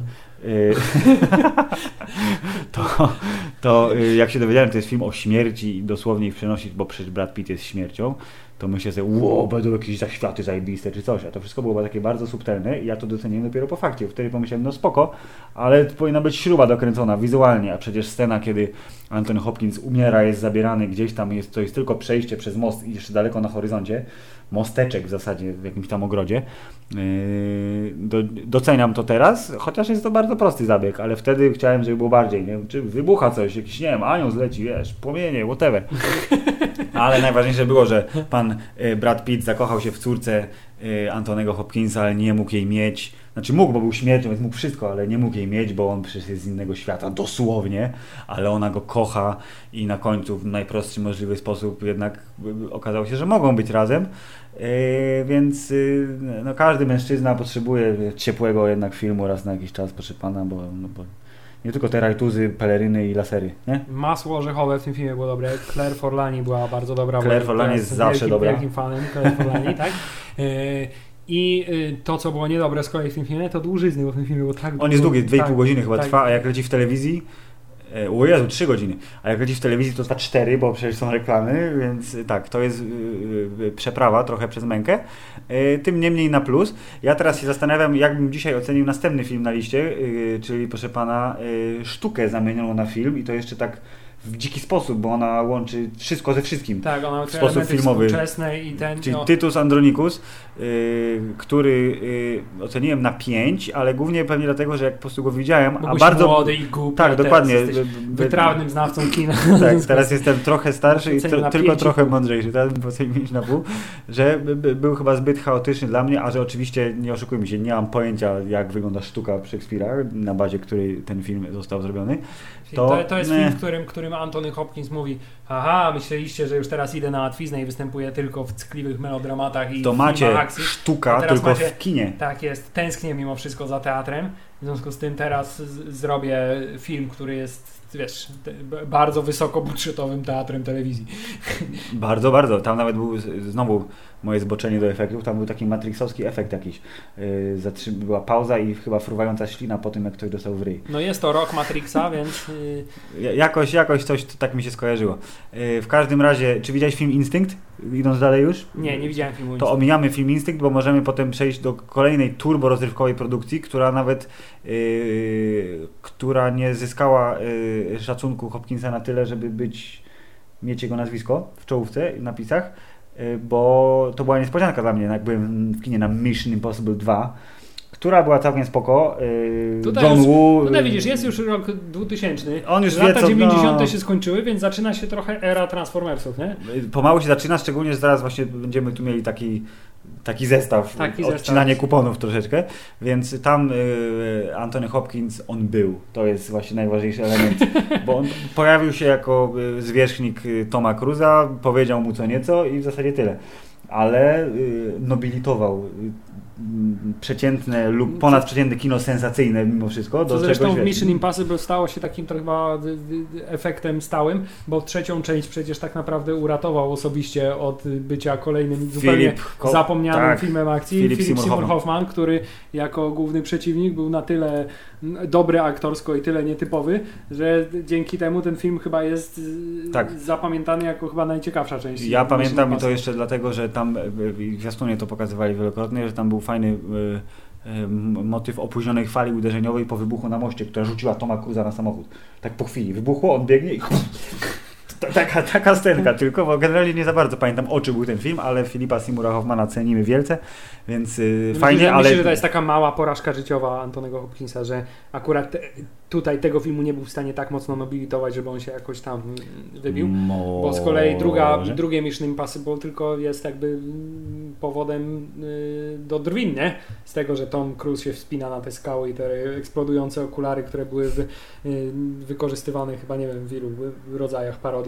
Y, ale jest też, y, wiesz, przyczynkiem do rozwoju nie wiem, czy chlubnej, czy niechlubnej kariery zespołu Limp Bizkit. O, proszę pana, oni wtedy byli już szczytu sławy, więc tak. I patrząc na to, jak często wydają obecnie albumy, czyli jeden w ciągu ostatnich 10 lat chyba, to myślę, że nie poradzili sobie ze sławą najlepiej. E, ale możemy przejść dalej. E, e, Hearts in Atlantis, tudzież Kraina Wiecznego Szczęścia, Szczęścia, to jest film, który jestem przekonany, że by mi się podobał, ale niestety, proszę pana, nie miałem okazji go obejrzeć ze względów różnych, co jest jeszcze istotniejsze, bo on jest na podstawie opowiadania Stephena Kinga. No więc te, tym Więc, bardziej jest to, y, te, no. trafia w twoje podwórko absolutnie. Więc może, może kiedyś, więc sorry Tony, ale y, o tym nie jestem w stanie powiedzieć nic. Więc odcinanie kuponów. Zaczynamy odcinanie kuponów, y, punkt pierwszy. Hannibal, proszę pana, sequel. W tym wypadku pan Ridley Scott się zabrał No właśnie za, chciałem powiedzieć, to jest y, film, który powinien być filmem absolutnie genialnym, bo Powinien być. jest Anthony Hopkins, Tak, jest Ridley Scott, tak. nie ma pani Jodie Foster, Ale Julian Moore jest dobrą aktorką, Julianne więc okej. która jest spoko. Jest pan Ray Liotta, Jest pan Gary Oldman. jest pan Gary Oldman. Nie do poznania totalnie. Absolutnie mógł być to praktycznie ktokolwiek, nie? Ale to był Gary Oldman. Ale to był Gary Oldman, y, który konkurował w tym filmie wiesz, z Hannibalem Lecterem y, i jego martwą twarzą. Tym razem wiesz, zdeformowana twarz y, Gary'ego I Oldmana. on tak strasznie robi takie... Tak, i, i przez tą słomkę zawsze wszystko ja, to było takie mo- mocno obleśne. Są świnie, które zjadały ludzi. Jest w tym filmie dużo rzeczy, które powodują, że on powinien się udać, bo mamy bardzo fajną historię tak naprawdę, to znaczy Hannibal Lecter, który ucieka, uciekł i Tak. który sobie żyje gdzieś tam w Rzymie i, i walczy, no nie walczy, tylko tak y, ukrywa się, ale jednocześnie dalej tak, się... jest przez kustoszem, kustoszem muzeum, zjadł znowu jakiegoś gościa, yy, wywalił innego przez okno, flaki Flaki mu, wyleciały, bo tak, tak, tak, było tak. w, w obrazie Tak, i czyimś tam, tam. i tam też gra ten koleś, który zawsze gra europejskich policjantów, którzy umierają. On też grał europejskiego policjanta w Bondzie w Casino Royale. Yy, Pan Giancarlo Giannini? Tak, dobrze. On Okej, zawsze jest europejskim policjantem po prostu. Okej, zgadza się. I to jest film, który powinien być absolutnie genialnym sequelem, bo był wielki reżyser, wielki aktor. Ja jeszcze chciałem powiedzieć, dobry że, scenariusz. że wyśmienity jest soundtrack I wyśmienity Hansa soundtrack, Zimmera. to akurat jest niezaprzeczalnie, że, że, że jest, jest soundtrack wyśmienity. Ale ten film Filip jest filmem nieudanym. No. No, Bo, y, bo mm. efekt, efekt przerażenia ustępuje w pewnym momencie efektowi komediowemu. Bo scena, w której Ray Liotta je swój własny mózg, w Tak, zamku, miała w być- domyśle miała być i brutalna, i przerażająca, i obrzydzająca, a Tak. jest bardzo komediowa. Tak, Tak, a to naprawdę. jest przecież apogeum filmu i to jest. Nie wiem, czy to nie był ten moment, kiedy po raz pierwszy, znaczy może nie po raz pierwszy, ale chyba po raz pierwszy ja usłyszałem doniesienia, że finał filmu wstrząsnął tyle osób, że wychodzili z sali kinowej, albo wymiotowali, bo o mój Boże, nie? Jedzenie własnego mózgu. Tymczasem właśnie było tak, mm, no ale co? No Już? właśnie, no tak, tak, bo wręcz to zabawne, nie? Jak on tą, tą, ten, ten gadał głupoty, a ten mu mówił, jak nie nadążasz nad y, ko- konwersacją, za konwersacją, to się nie wtrącaj, nie? Tylko masz No. jedz tu jeszcze No kawałek. tak, no ale to jakby, to sobie wyobrażam, że tak mogły zrobić, że nie, toleruję głupoty, więc y, Co skoro... nie zmienia faktu, że prawdopodobnie Filip ten film trochę wpłynął jakby na moją, wiesz, pasję kulinarną i moją miłość do gotowania, bo y, Ej, no bardzo, bardzo dobrze pamiętam tą scenę, kiedy kawałeczek mózgu się podsmaża na dużym zbliżeniu na patelni, na małej, mięsko, na tak? małej ilości oliwy z oliwek, wiesz, nie? I jest taki skwierczący na pięknej srebrnej patelni.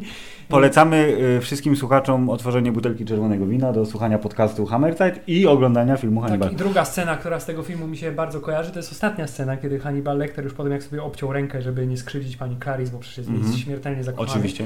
Yy, w samolocie spotyka yy, małe dziecko, Mhm. które siedzi obok niego na tym i, i mówi, o, a ty nie jesz tego, co my jemy? A on miał swoje własne jedzonko przygotowane. Nie, nie, ja nie jadam jedzenia z samolotu, ja mam przygotowane swoje własne, nie? Tak. I właśnie rozpakowuje ten i widać, że to jest ten mózg i mówi, chcesz spróbować, tak? W życiu trzeba próbować nowych rzeczy, nie? I, i to, jest, to jest scena, którą bardzo pamiętam. Boże, zły człowiek, on karmi dzieci mózgiem, y, uczy ich kanibalizmu. Okej, dobrze, to odcięcie kuponu pierwsze. Odcięcie kuponu drugie to był taki, wiesz, po prostu yy, yy, kombo, bo już w następnym roku pojawił się Czerwony Smok, gdzie yy, pan Hannibal Lecter, z Anthony Hopkins miał właśnie prequel, więc został trochę odmłodzony, wło- włosy pofarbowane, No i wszystko to jest, zaczęło to, jest się właśnie na... to, to jest właśnie to, że y, rola super, pan y, generalnie Antony Hopkins y, Hannibala Lectera prawdopodobnie może zagrać wiesz o trzeciej w nocy, jak go wybudzisz y, z głębokiego Mimo snu, tego, że nie tak? pamięta już tekstów. Tak, to, to gdzieś tam y, y, To się tli, w tak. jaki sposób, tak. Pan Brett Ratner reżyserował, który jest znany z tego, Że jest słabym że reżyserem. jest dość słabym reżyserem. I to jest właśnie film, który, o którym wspomniałem, że powrócimy do kwestii Sir, Sir Antony. A, okej. Jakim szacunkiem pan Spielberg y, darzył Antonego Hopkinsa. Bo tutaj z kolei Filip, nie wiem dlaczego, ale bardzo, y, bardzo ba- y, ten film kojarzy mi się z tym, że gdzieś, nie pamiętam gdzie to było, czy to było na HBO, kiedy jeszcze miałem HBO w formie telewizyjnej, czy to Mhm. było na jakimś AXN, czy na czymś, ale pamiętam, że przez jakiś zupełny przypadek, około, nie wiem, kilkanaście na pewno razy, y, widziałem taki materiał promocyjny, to znaczy taką krótką, pięcio albo dziesięciominutową, Mhm. y, film dokumentalny, taki to featurette się nazywa, na temat właśnie filmu Czerwony Smok. Jest. Na temat tego, y, jak powstawał ten film i że pan Edward Norton y, opowiadał, jak robili ten film i pan reżyser Brett Ratner. I właśnie tutaj powraca ten temat, bo mówi, że pamiętam, że jak zaczęliśmy kręcić z Antonym Hopkinsem, mówi Brett Ratner, nie, to on, wiesz, zamknęliśmy go w tej celi, nie, i on zaczął, wiesz, wypowiadać kwestie y, i y, zrobiliśmy jedną próbę, drugą próbę, trzecią próbę, on sobie chodził po celi, nie, i i, i tam oglądał obrazy i gadał z Edwardem Nortonem, nie? I mówi, to coś jest nie tak, coś mi się tu nie podoba, nie?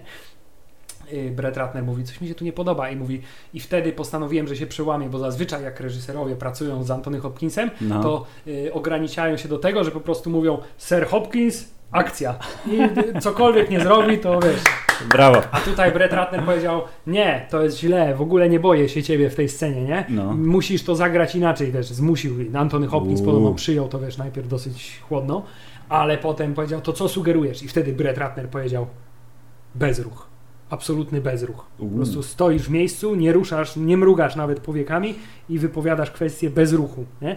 I rzeczywiście jest ta scena, kiedy Edward Norton pierwszy raz się pojawia w, przy celi Hannibala Mhm, Lectera, nie, gdzie faktycznie cała sceną po prostu stoi i jest takie wiesz, powolne zbliżenie na jego tą nieruchomą sylwetkę. Rzeczywiście się sprawdza, czyli co się okazuje, pan Brett Ratner też ma jakieś swoje No przebłyski. to brawo Brett, yy, szacuneczek. Chciałem powiedzieć, że tutaj znowu jest, yy, jeśli chodzi o filmy o Hannibalu, trylogię, bo nie liczymy oczywiście tego prequela wojennego, którego nikt nie widział i nikogo nie obchodzi, to yy, tam zawsze było starcie yy, jednak męskiej części obsady aktorskiej, bo w, pierwszej części był pan Kurde, nie pamiętam jak się nazywa. Pamiętam, że aktor ma na imię Ted, ten, który grał Dzikiego Billa. E, Skórołapa. Tak. W dwójeczce y, był Gary Oldman, Tak. który jest wyśmienitym aktorem, a w trójeczce y, głównym złym, Był czerwonym smogiem Voldemort. był pan Voldemort, pan Ralph Fiennes, który jest absolutnie fantastyczny w y, tej roli i bardzo, bardzo go dobrze czytaj tak uh, pamiętam, bo jednak był srogim psychopatą. Był srogim przyjmowany i tam pamię, pa- wszyscy pamiętają sobie, gdzie skrzydła te swoje smocze rozkładane, Tak, tak, tak, ten tak. tatuaż na plecach, jak tak się pleczy. Tak, i bardzo w ogóle to jest z kolei y, głupia dygresja, ale w wyśmienity sposób y, dokładnie ta rola, która jest bardzo dobra z Czerwonego Smoka została przecież sparodiowana w South Parku, gdzie był y, dokładnie ten sam koleś w czapce i jak przychodzi policja do niego Excuse me, Mr. God. tak. Excuse me, Mr. God. I on, on potem przez, cały, przez całym tym odcinku on ciągle pytał Do you see? Do you, see? Oszołom w jakimś kurde płaszczyku i czapeczce. E, ale tak, Czerwony Smok zrobił na mnie lepsze wrażenie niż... Znaczy e, zdecydowanie był lepszym filmem niż, niż Hannibal. To, co mam jemu do zarzucenia, to jest tak naprawdę tylko i wyłącznie to, co no, to biło w oczy to, że pan Hopkins jest już starszy mimo wszystko Tak. ponad 10 lat niż ten. A technologia mimo, że próbowali, komputerowego wygładzania tak, skóry... mimo, że próbowali go odmładzać, to znaczy pofarbowali mu włosy Mm. tak, na czarno i, i, i starali się jakoś zakryć jego Tak, tak, tak, zmarszczki zmarszczki. na twarzy, ale mimo wszystko jak się potem, zwłaszcza jak się obejrzy to back to back, tak, czyli Mhm. się obejrzy Najpierw Czerwonego Smoka, potem y, Milczenie no to widać, że to jest ten sam aktor, tylko dużo, dużo młodszy. No. E, Edward Norton spoko. Tutaj, a, a propos, widzisz, w tym filmie dokumentalnym też było, że pan Edward Norton znany z tego, że się zawsze wtrąca w y, produkowanie filmu i To zastępuje reżysera. teraz? Nie, to tutaj z kolei e, on i Brett Ratner się dogadali i pan Edward Norton podrzucał bardzo wiele pomysłów. Mm. To znaczy, jak była scena, y, że wiesz, bo on musiał być, bo to była ta różnica w tym filmie, nie? że Clarice Starling była początkująca i była młodą, Tak. y, y, słabą kobietą, i, y, y, która stawała naprzeciwko psychopaty i musiała jakby dać sobie z tym radę. Aha. Tutaj y, Edward, postać Edwarda Był Nortona była doświadczonym jakby, agentem, tak, który tak? zresztą go złapał wcześniej. nie? Oczywiście. Więc, y, więc był na równi z nim, nie mógł, się, nie mógł Mhm. dać po sobie znać, że jest, y, wiesz, że jest jakoś y, przerażony. W związku z tym właśnie pan Brett Ratner, ale musisz pokazać, że się jakoś denerwujesz, nie? Nie wiem, y, że po spotkaniu z lekterem, jak wychodzisz stamtąd, tam grasz twardziela, a tutaj wychodzisz i wiesz, musisz musisz coś pokazać jakoś, że jesteś ten, nie? Że jesteś, musisz jakoś, nie wiem, weź, podrap się po czole albo coś, nie? A ty Mhm. mówi, nie, to jest słabe aktorstwo, nie? To jest, wiesz, to jest zbyt oczywiste, nie możemy tak tego zagrać, mówi Edward Norton. Mówi, to teraz mówi, to co proponujesz, nie? A ty mówi, wiesz co, zrobimy tak, zdejmę marynarkę i będzie widać po prostu, że mam bardzo Plamy dużo potu. potu. pod pachami, nie? I Okej. to będzie, wiesz, nie będę w ogóle po sobie dawał znać, ale usiądę i będzie, wiesz, będzie pokazane. I rzeczywiście jest ta scena, gdzie on siada na krześle i siada i ma takie wielkie plamy potu na koszuli, co z jednej strony wygląda dosyć zabawnie, ale z drugiej strony w to- jakiś tam fajny sposób tak. przekazuje Dob- to, dobra reakcja organizmu na stresową sytuację. Tak, i tutaj w tym filmie chyba nie wiem, ale chyba mimo wszystko, mimo że film był całkiem dobry, tak, to w tym filmie z tej trylogii, nazwijmy to, Mhm. to Hopkins miał chyba najmniej do zagrania. Tak Też tak myślę. No bo tam się sku- skupili bardziej na psychopacie, panu e, e, Czerwonym Smoku i pewnie słusznie. E, Ale proszę pana, cięcie. Jeszcze jedno odcinanie kuponów, czyli totalnie rozrywkowy film, co jest ciekawe, na którym byłem dwa razy w kinie, bo tak mi się podobał, chociaż ewidentnie na to nie zasługuje. Bad Company to jest film, gdzie Chris Rock jest przypadkowym agentem. Ja byłem też na nie? tym filmie w kinie. I jeszcze z kino Adria Koszalin, pozdrawiamy. Czy my razem nie byliśmy na tym filmie przynajmniej. Bardzo możliwe. W każdym razie y, nie wiem, nie pamiętam w ogóle o co chodziło. Oprócz tego, że jechali do, do Pragi, do Nie, no, Czech. to chodziło o to, I- że brat Chrisa Rocka, bliźniak, Bliźniak, a, był prawdziwym był agentem. właśnie Okej. partnerem Antonego Hopkinsa i on zginął, zdaje się, albo został porwany, Mm. nie pamiętam, y, chyba I, zginął. I m- drugi y, A rok ponieważ, musiał go a udawać. ponieważ byli tak? już w trakcie sprawy, gdzie on tam Okej. był, się podszywał pod kogoś, to musieli tego przyswoić do tej roli i tutaj cała komedia polegała na tym, że Tak, on jest, nie jest agentem, tylko zwykłym kolesiem, ale musi się odnaleźć. tak, a tutaj z kolei pan Antony Hopkins miał okazję zagrać takiego typowego właśnie, wiesz, z, Urzędasa? nie, nie? ta- takiego właśnie y, policjanta bardziej, jak wiesz, Okej. jak są zazwyczaj buddy cop movie, nie? gdzie jest Okej, jeden, okej, jeden bardzo poważny, jeden taki bardziej komediowy, to tutaj I też, proszę pana, jeden czarny, jeden biały. Wszystko tak, wszystko, wszystko się zgadza, ale to jest taki film, który da się, wiesz, obejrzeć i zapomnieć natychmiast, że się go obejrzało, nie? Ja dokładnie tak. Ja pamiętam z tego filmu tylko d- dwa momenty, które wtedy mi się wydawały szalenie zabawne. I jeden dotyczył jakiegoś tam błędu w tłumaczeniu y, między angielskim a czeskim, który chyba był śmieszny i prawdopodobnie był żartem jakimś takim trochę kloacznym, obstawiam. E, a drugi był, że wisieli Chris Rock i jego czarnoskóra, chyba również partnerka w jakimś sypie na śmieci, chowając się przed agentami i e, buty im spadły, więc Rock zapytał, czy zagramy w czyja to nuzia. I to jest, i to jest jedyny tekst, który pamiętam z tego filmu i, koniec. Tam jest takie wrażenie wywarłem. i Ale widzisz, film, to bardzo ciekawe może na przykład by było z racji ty, y, twojego i twojej połowy naszej wspólnej żony czechofilstwa jakiegoś tam. Bo powinniśmy by wrócić byłoby do, może ciekawe, żeby Teraz y, loka, lokację, proszę pana, bym odkrył na nowo, już jako świadomy y, wyjeżdżacz w te rejony. Y, Ciach, ciach, ciach, lecimy dalej. Y, Aleksandra nie widziałem. y, Jest. A, Aleksander to był film, gdzie poszliśmy na dwa różne filmy, prawda? Mimo, że byliśmy razem w kinie, to ty, ty, ty, zdaje się, że Ja poszedłem na Ridika? na coś... Tak mi się kojarzy, że mogę być na. Bo to jest 2004 rok, więc możliwe, że ja poszedłem na Ridika, a ty poszedłeś na to, tak? Coś mi się kojarzy. Coś tak, bo się spóźniłeś zasadniczo, bo to było wiesz, film na studiach. Na nie? studiach, no, zajęciach. no, o, wiadomo. I pamiętam, że już się film zaczął i e, mieliśmy iść na Aleksandra, ale nie zdążyłeś i poszedłeś na jakiś inny film, bo wtedy w Kinepolis na szczęście filmy zaczynały się wszystkie w tym Tak. samym czasie.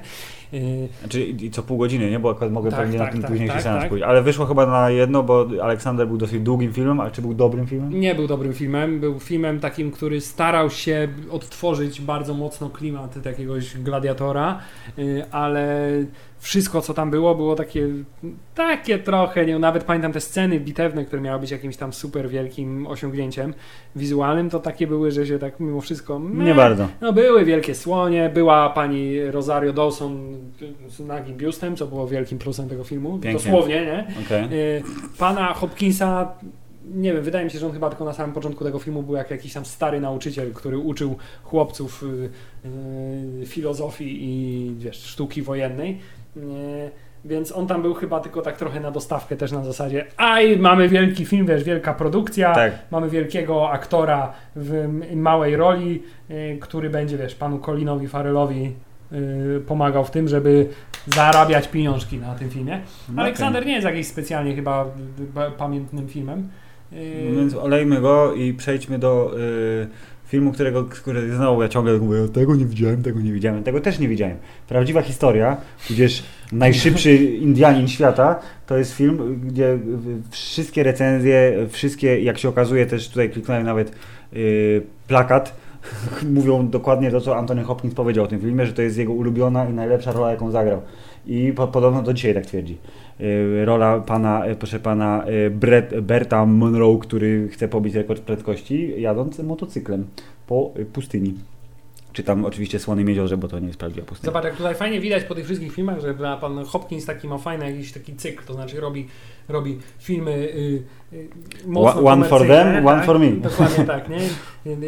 Jeden robisz dla siebie, jeden robisz dla pieniędzy i tak rzeczywiście po jakimś Tak, takim cyklu no, no, no. y, filmów stricte komercyjnych, gdzie mam albo mniejszą rolę, albo jest to film akcji taki nakierowany na taką szeroką pu- publiczność kinową, to gdzieś tam zawsze wtrąci czy to Tytusa Andronikusa, czy to właśnie prawdziwą historię. Okej. Taki film, gdzie będzie mógł rzeczywiście, wiesz, tego swojego duszę swoją artystyczną No i bardzo super, połektać, nie? bo jest, ja myślę Czyli sobie, że przez, przez, zachowuje gdzieś tam przez cały ten tyle lat, zachowuje ten balans w karierze, że i po tym poznać wielkiego aktora, proszę pana, bo on, tak, ja myślę, że on robi co chce, bo nawet jak gra w padacznych filmach, okazjonalnie, super rzadko, to wciąż robi to, bo chce.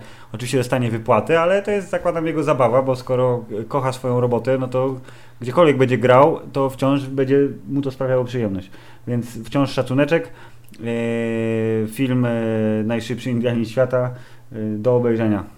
Oj, w sensie do siebie mówię. tak, teraz. następnie mamy film Dowód o szalonym matematyku i jego y, córce, która z tego filmu zdaje się Gwyneth Paltrow chyba wyszła jako szalona y, kobita, która obecnie sprzedaje jakieś y, dziwne akcesoria kobiece i, i promuje jedzenie łożysk i jakieś takie cudowne y, akcje, więc y, tutaj myślę, że szaleństwo, które wiesz w tym filmie Dziedziczne. Antony Hopkins przekazał w Mm. formie y, w- zarówno w scenariuszu, ale wiesz Antony Hopkins tak dobrze to zagrał, że ona pomyliła to z prawdziwością. Zwariowała w, w życiu prawdziwym także. Niech będzie. E, ciśniemy dalej. Teraz już, proszę Państwa, jesteśmy w roku e, e, 2007, kiedy to wyszły dwa filmy, e, które I widziałem. mamy przecież kolejnego młodego aktora, którego Tak, karierę dokładnie. stu- jak, z, jak z procy wystrzelił po zagraniu w filmie z Antonym Hopkinsem. Rany film, boskie, film zapomniałem o tym. Słaby Punkt, tudzież Fracture, gdzie Ryan Gosling otarł się o geniusz Antonego Hopkinsa i mieli tam pojedynek, proszę pana, intelektu, bo przecież chodziło o to, że Antony Hopkins zabił żonę, przyznał się do zabicia żony, ale nie ma dowodu na to, że zabił żonę i Gosling mówi. I y, y, intryga była całkiem sprawna, dobrze się ten film oglądało, aktorski pojedynek był niezły, trzeba przyznać. Pamiętam, Młody, młody Gosling tak. sobie dawał radę. Da, dawał sobie radę. Hopkins był taki uroczo zły w tym filmie. Tak, to był właśnie to były echa Lectera, bo on był elegancki i dżentelmeński, ale pod y, maską y, normalnego, dobrze I ułożonego to, że człowieka. przez cały film tak było jasne, że on to zrobił i że tak, tylko nie są w stanie mu tego udowodnić i No. że cała intryga jest tak poprowadzona, że bo tam zdaje się o to chodzi, że go w końcu uniewolnili, u, uniewinnili i drugi raz już nie mogli go skazać za to samo, a tam na końcu, spoiler, było jakieś coś takiego, że tam jakiś kruczek prawny był, że go za drugim razem oskarżyli nie o, O coś innego, tylko tak, próbę tak, tak, zabójstwa, tak, bo tak, ona tak, nie zginęła, tylko potem on chciał ją jeszcze eutanazję zrobić. No, no, no, bo była w łóżku y, jako warzywko. Tak, i on potem już się nawet przyznał, tak powiedział, ale powiedział i tak mi nic nie zrobicie, bo już drugi raz mnie nie skażecie, a mówi nieprawda, bo nie zabiłeś jej. i Du, du, du, du. Da, da, da. Nie, bardzo tak, tak fajny to był thriller, trzeba przyznać. Yy, Pamiętam z tego filmu ten dom jego bardzo elegancki, w Yep. którym te, ta cała y, morderstwo miało miejsce i że gdzieś tam taki, taki, taki film był mocno szklany, tak mi się wydaje, w sensie wszystko tam było No tak, zresztą motyw, motyw graficzny kolorów, był tak, o pękaniu, bo tak. chodziło o znalezienie słabego punktu w nieprzeniknionej powierzchni jego. Ale widzisz, ale po raz kolejny me- mentoring Antonego Hopkinsa sprawił, że eksplodowała kariera kolejnego młodego, No przystojnego bardzo dobrze. aktora. Ryan Gosling teraz, wiesz, świeci triumfy, a Antony Hopkins siedzi na tronie aktorstwa i mówi, dobrze uczniu, ciś. Tak, a i tutaj, tutaj bardzo, bardzo dobra, bardzo dobra, sympatyczna rola, chociaż tutaj już mamy ten efekt właśnie Hopkins, który gra Hopkinsa. Autopilot trochę, tak. tak, tro- trochę gramy na autopilocie i co zresztą też... Ale proszę pana, taki autopilot, to, aktorom- no, No ale ty, ka każdy by chciał takiego autopilota. Dokładnie. Antony Hopkins, który bez w ogóle krzty jakiejkolwiek wysiłku, przynajmniej tak to wygląda, potrafi dostarczyć y, tekst swój mówiony w taki sposób, że można, no, mógłby czytać książkę telefoniczną i by to było ciekawe, nie? Dokładnie. Potem jest w tym samym roku film, gdzie Anthony Hopkins udowadnia, że nie boi się nowych technologii i dał się, proszę pana, zeskanować w 3D, żeby zostać zanimowanym na potrzeby ekranizacji legendy o Beowulfie. I myślę, że to była przemiarka do Tora, bo patrząc jak komputerowy Hopkins wygląda i gra gościa z mieczem, który poluje na potwory, tak jakby Odyn się nasuwa na myśl sam.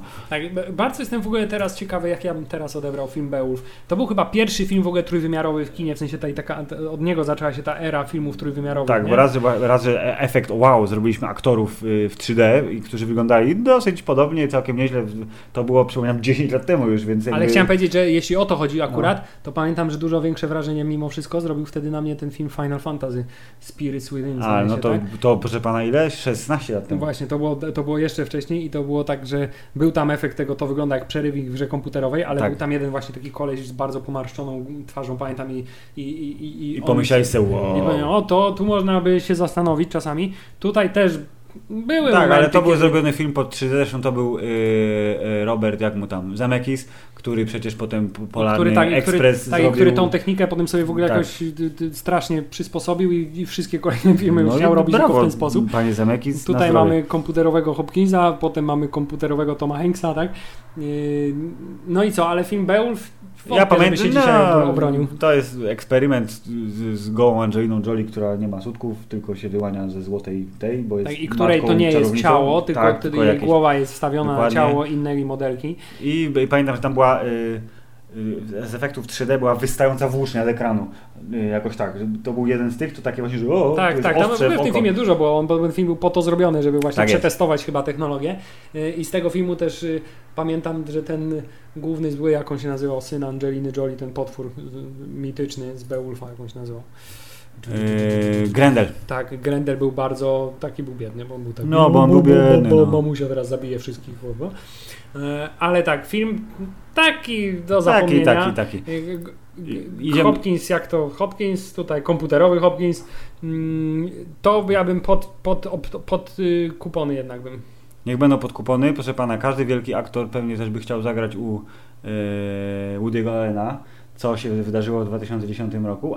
Ale szczerze pamiętam, że Poznasz przystojnego Barneta nie podobało mi się, było nudnawe, mało śmieszne i w ogóle nie pamiętam Antonego Hopkinsa z tego filmu, ani trochę, w sensie pamiętam, że był tam Josh Brolin, który był głównym bohaterem yy, i tyle. Znaczy ja na przykład z drugiej strony bardzo doceniam ten film, choćby dlatego, że jest y, taki szalenie Woody Allenowski mm. i nie próbuje wręcz y, jakby stroni zupełnie od jakichś takich elementów bardziej dynamicznych. On cały się toczy. Po prostu to jest historia, którą sobie Woody Allen wymyślił i którą chciał opowiedzieć i która była opowiedziana w sposób mocno rzeczywiście powolny, monotonny ale bardzo pamiętam, że z tego filmu wspominałem to, że były w tym echa takiego właśnie starego, Woody'ego Allena ze starych czasów, nie? To znaczy mm -hmm. taki trochę, wiesz, gdzieś tam Manhattan, gdzieś tam te, te, tego typu klimaty.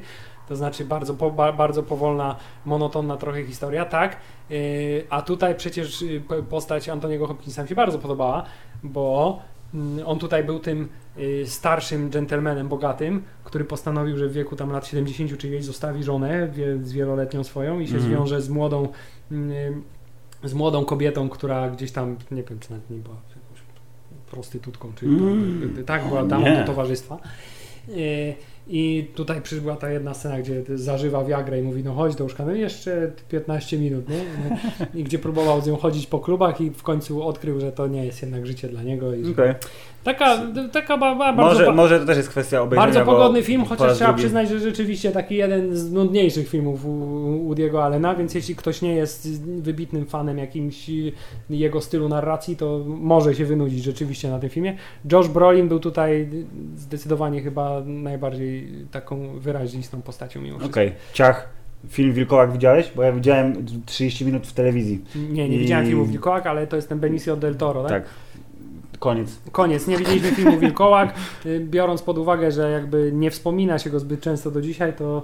Y, Możemy uznać, że nie był to wybitny film, aczkolwiek pewnie film o potworze, y, którego dawno na ekranie nie było widać, to była gratka dla niektórych i pamiętam, że zwiastuny były takie, że pomyślałem, że o, to chyba będzie niezłe. Ale z różnych względów nie poszedłem do kina, a jak już nie poszedłem do kina, to film wyleciał z radaru.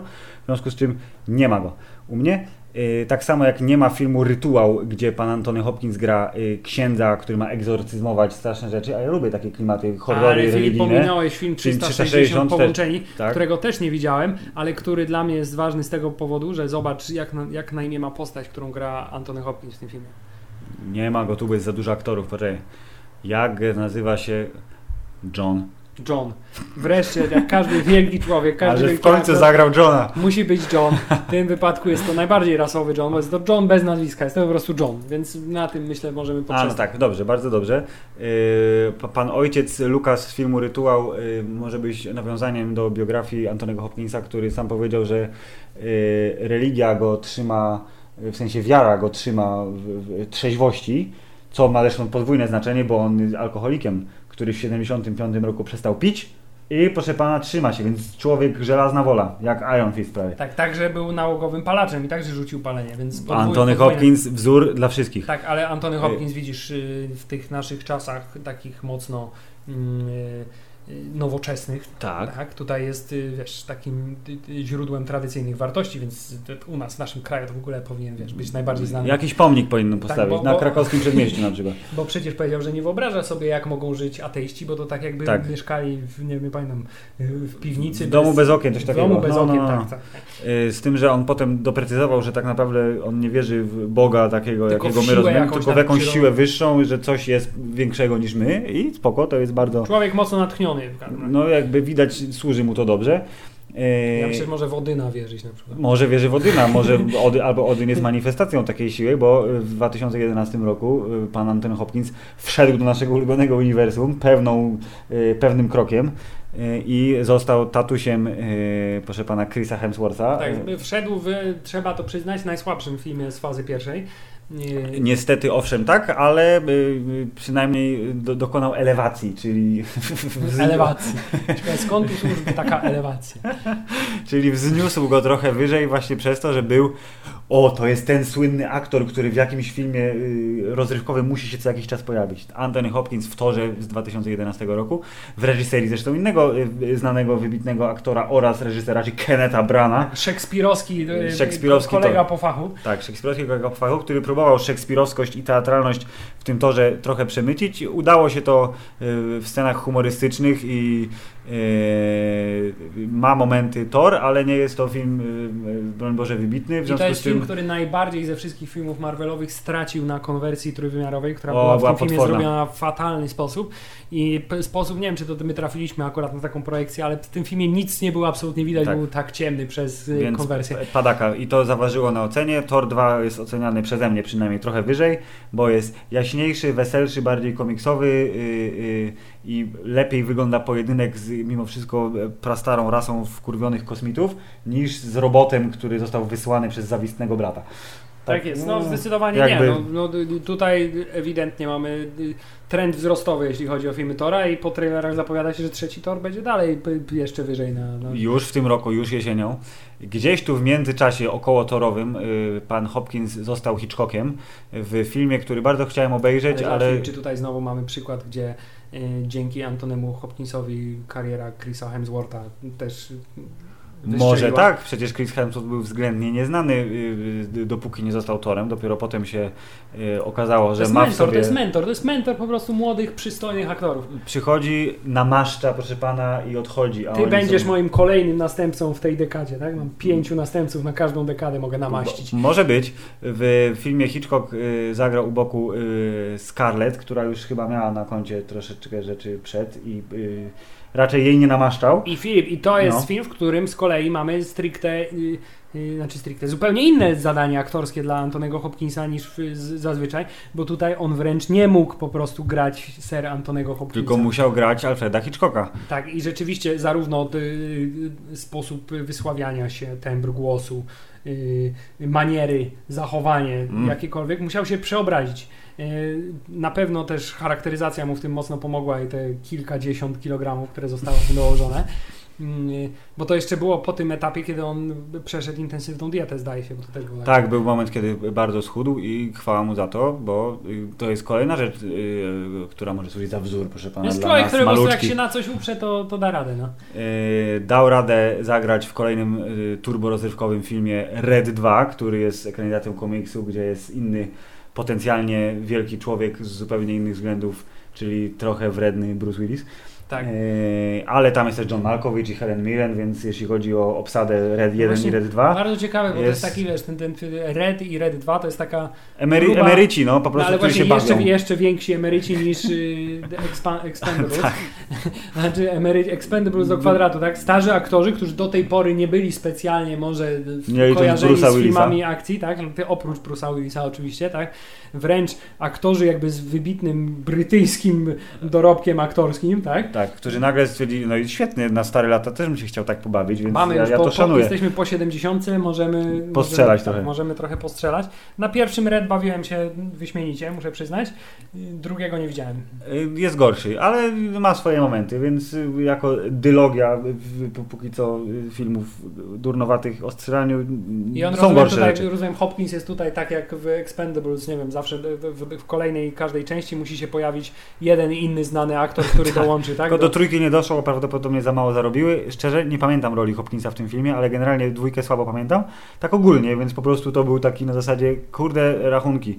Aczkolwiek myślę sobie, że on był po torze pierwszym, przed torem drugim, to jednak na rachunki miał mnóstwo, więc znowu zrobił coś, bo miał na to ochotę.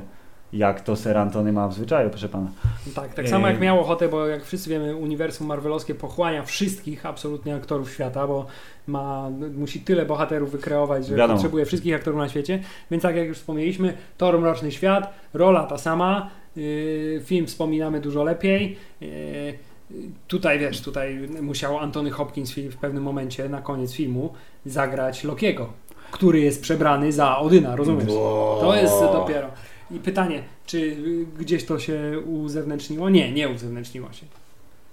Ale to, czyli, że co? No to, bo wiesz, bo najfajniej by było, gdyby się okazało, tak jak ten, tak jak ten żołnierz, który przyszedł i niby oznajmił, Tak. że Loki został zabity, Tak. to wyglądał jak Loki, Tak. zachowywał się jak A, Loki. okej. A Antony Hopkins, kiedy przemawiał do Tora na koniec, zanim No, się okazało, że jest no, Loki, no, no. no przemawiał jak Odyn, nie było tam jakby...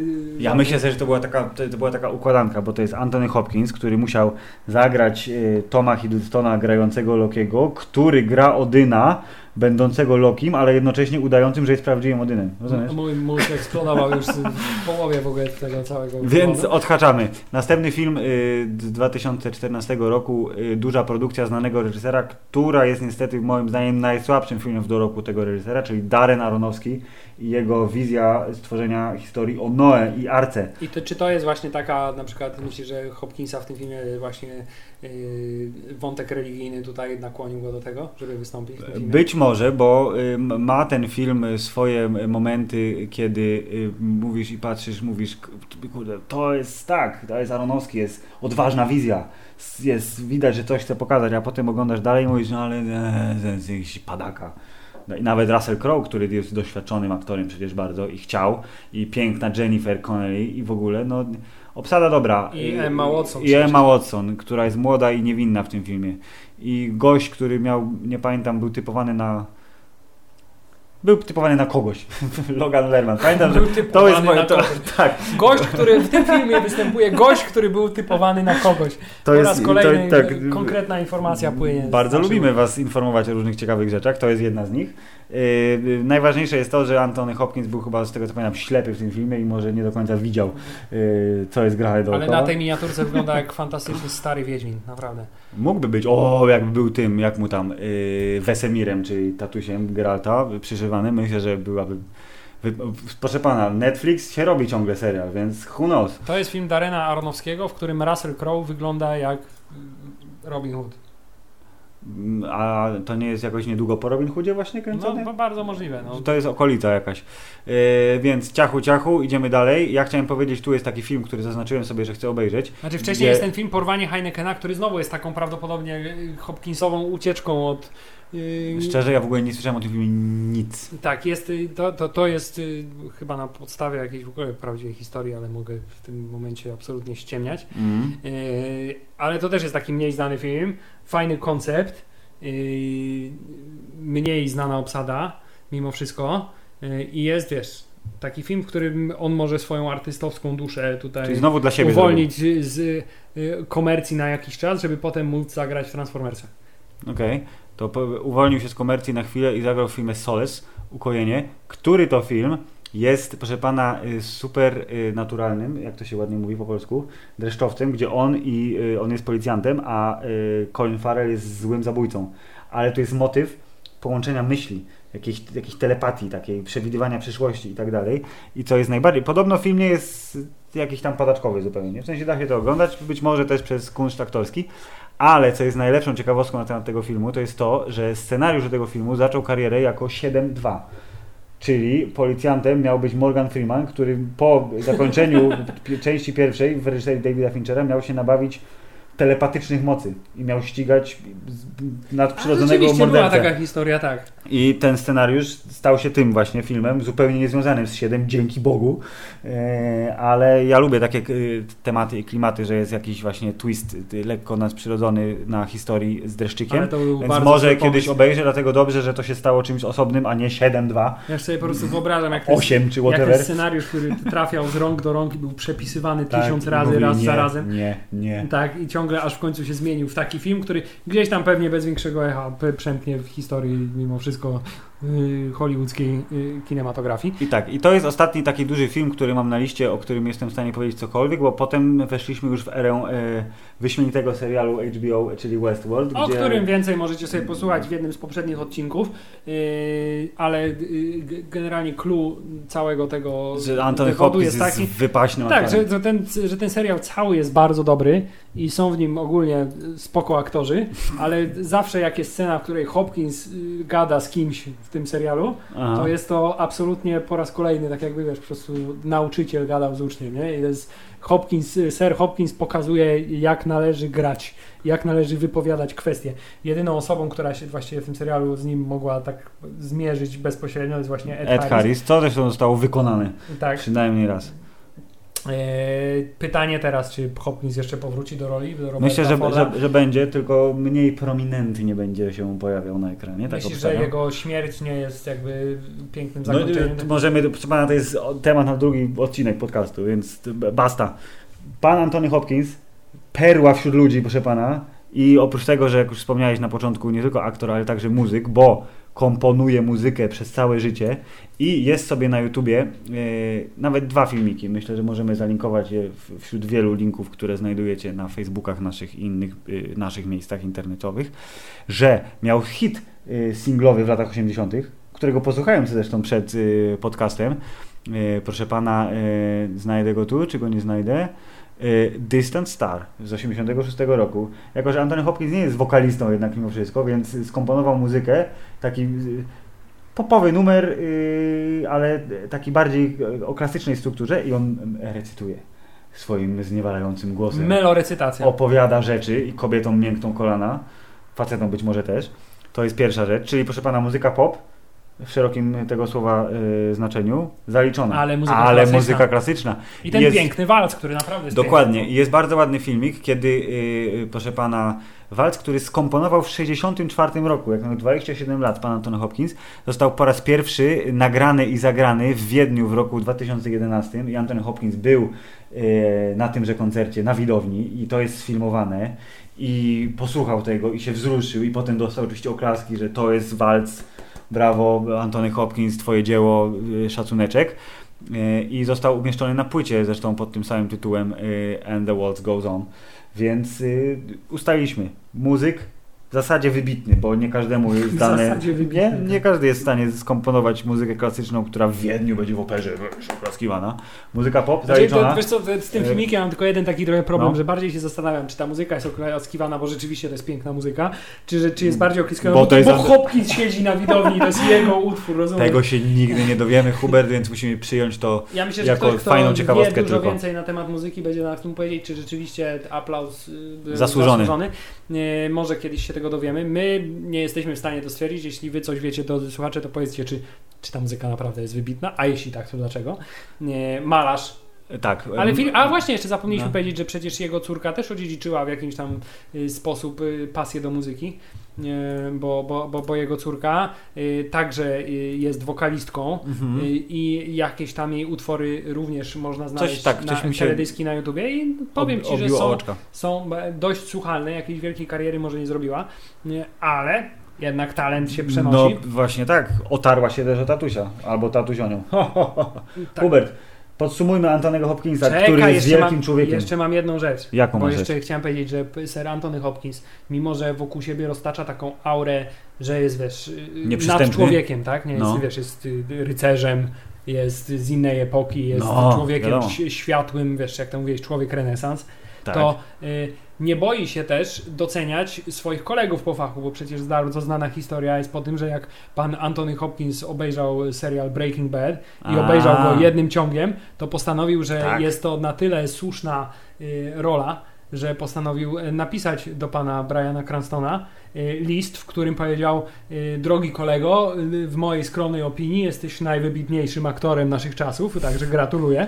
Y, Bardzo sympatycznie. Ja bym chciał taki list dostać od Antonego Uważam, Hopkinsa. że Brian Cranston, który jest równie dobry w rolach romantycznych jak komediowych, że po prostu otworzył kopertę, przeczytał i zemdlał. Tak sobie się mm, walnął się na plecy totalnie. Bardzo możliwe. Także trzeba przyznać, że oprócz tego to nie jest, wiesz, nie jest, mimo że jest dystyngowany, to nie jest bufonem Filip, tylko potrafi, wiesz. Czyli po prostu wielki człowiek. No, no, nie, no nie, klasa, klasa wielki aktor, muzyk, filantrop, kupił las, jak już wspomnieliśmy. Kup- Przyjaciel zwierząt. las. Przyjaciel zwierząt, bo y, doskonale dogadywał się z niedźwiedziem.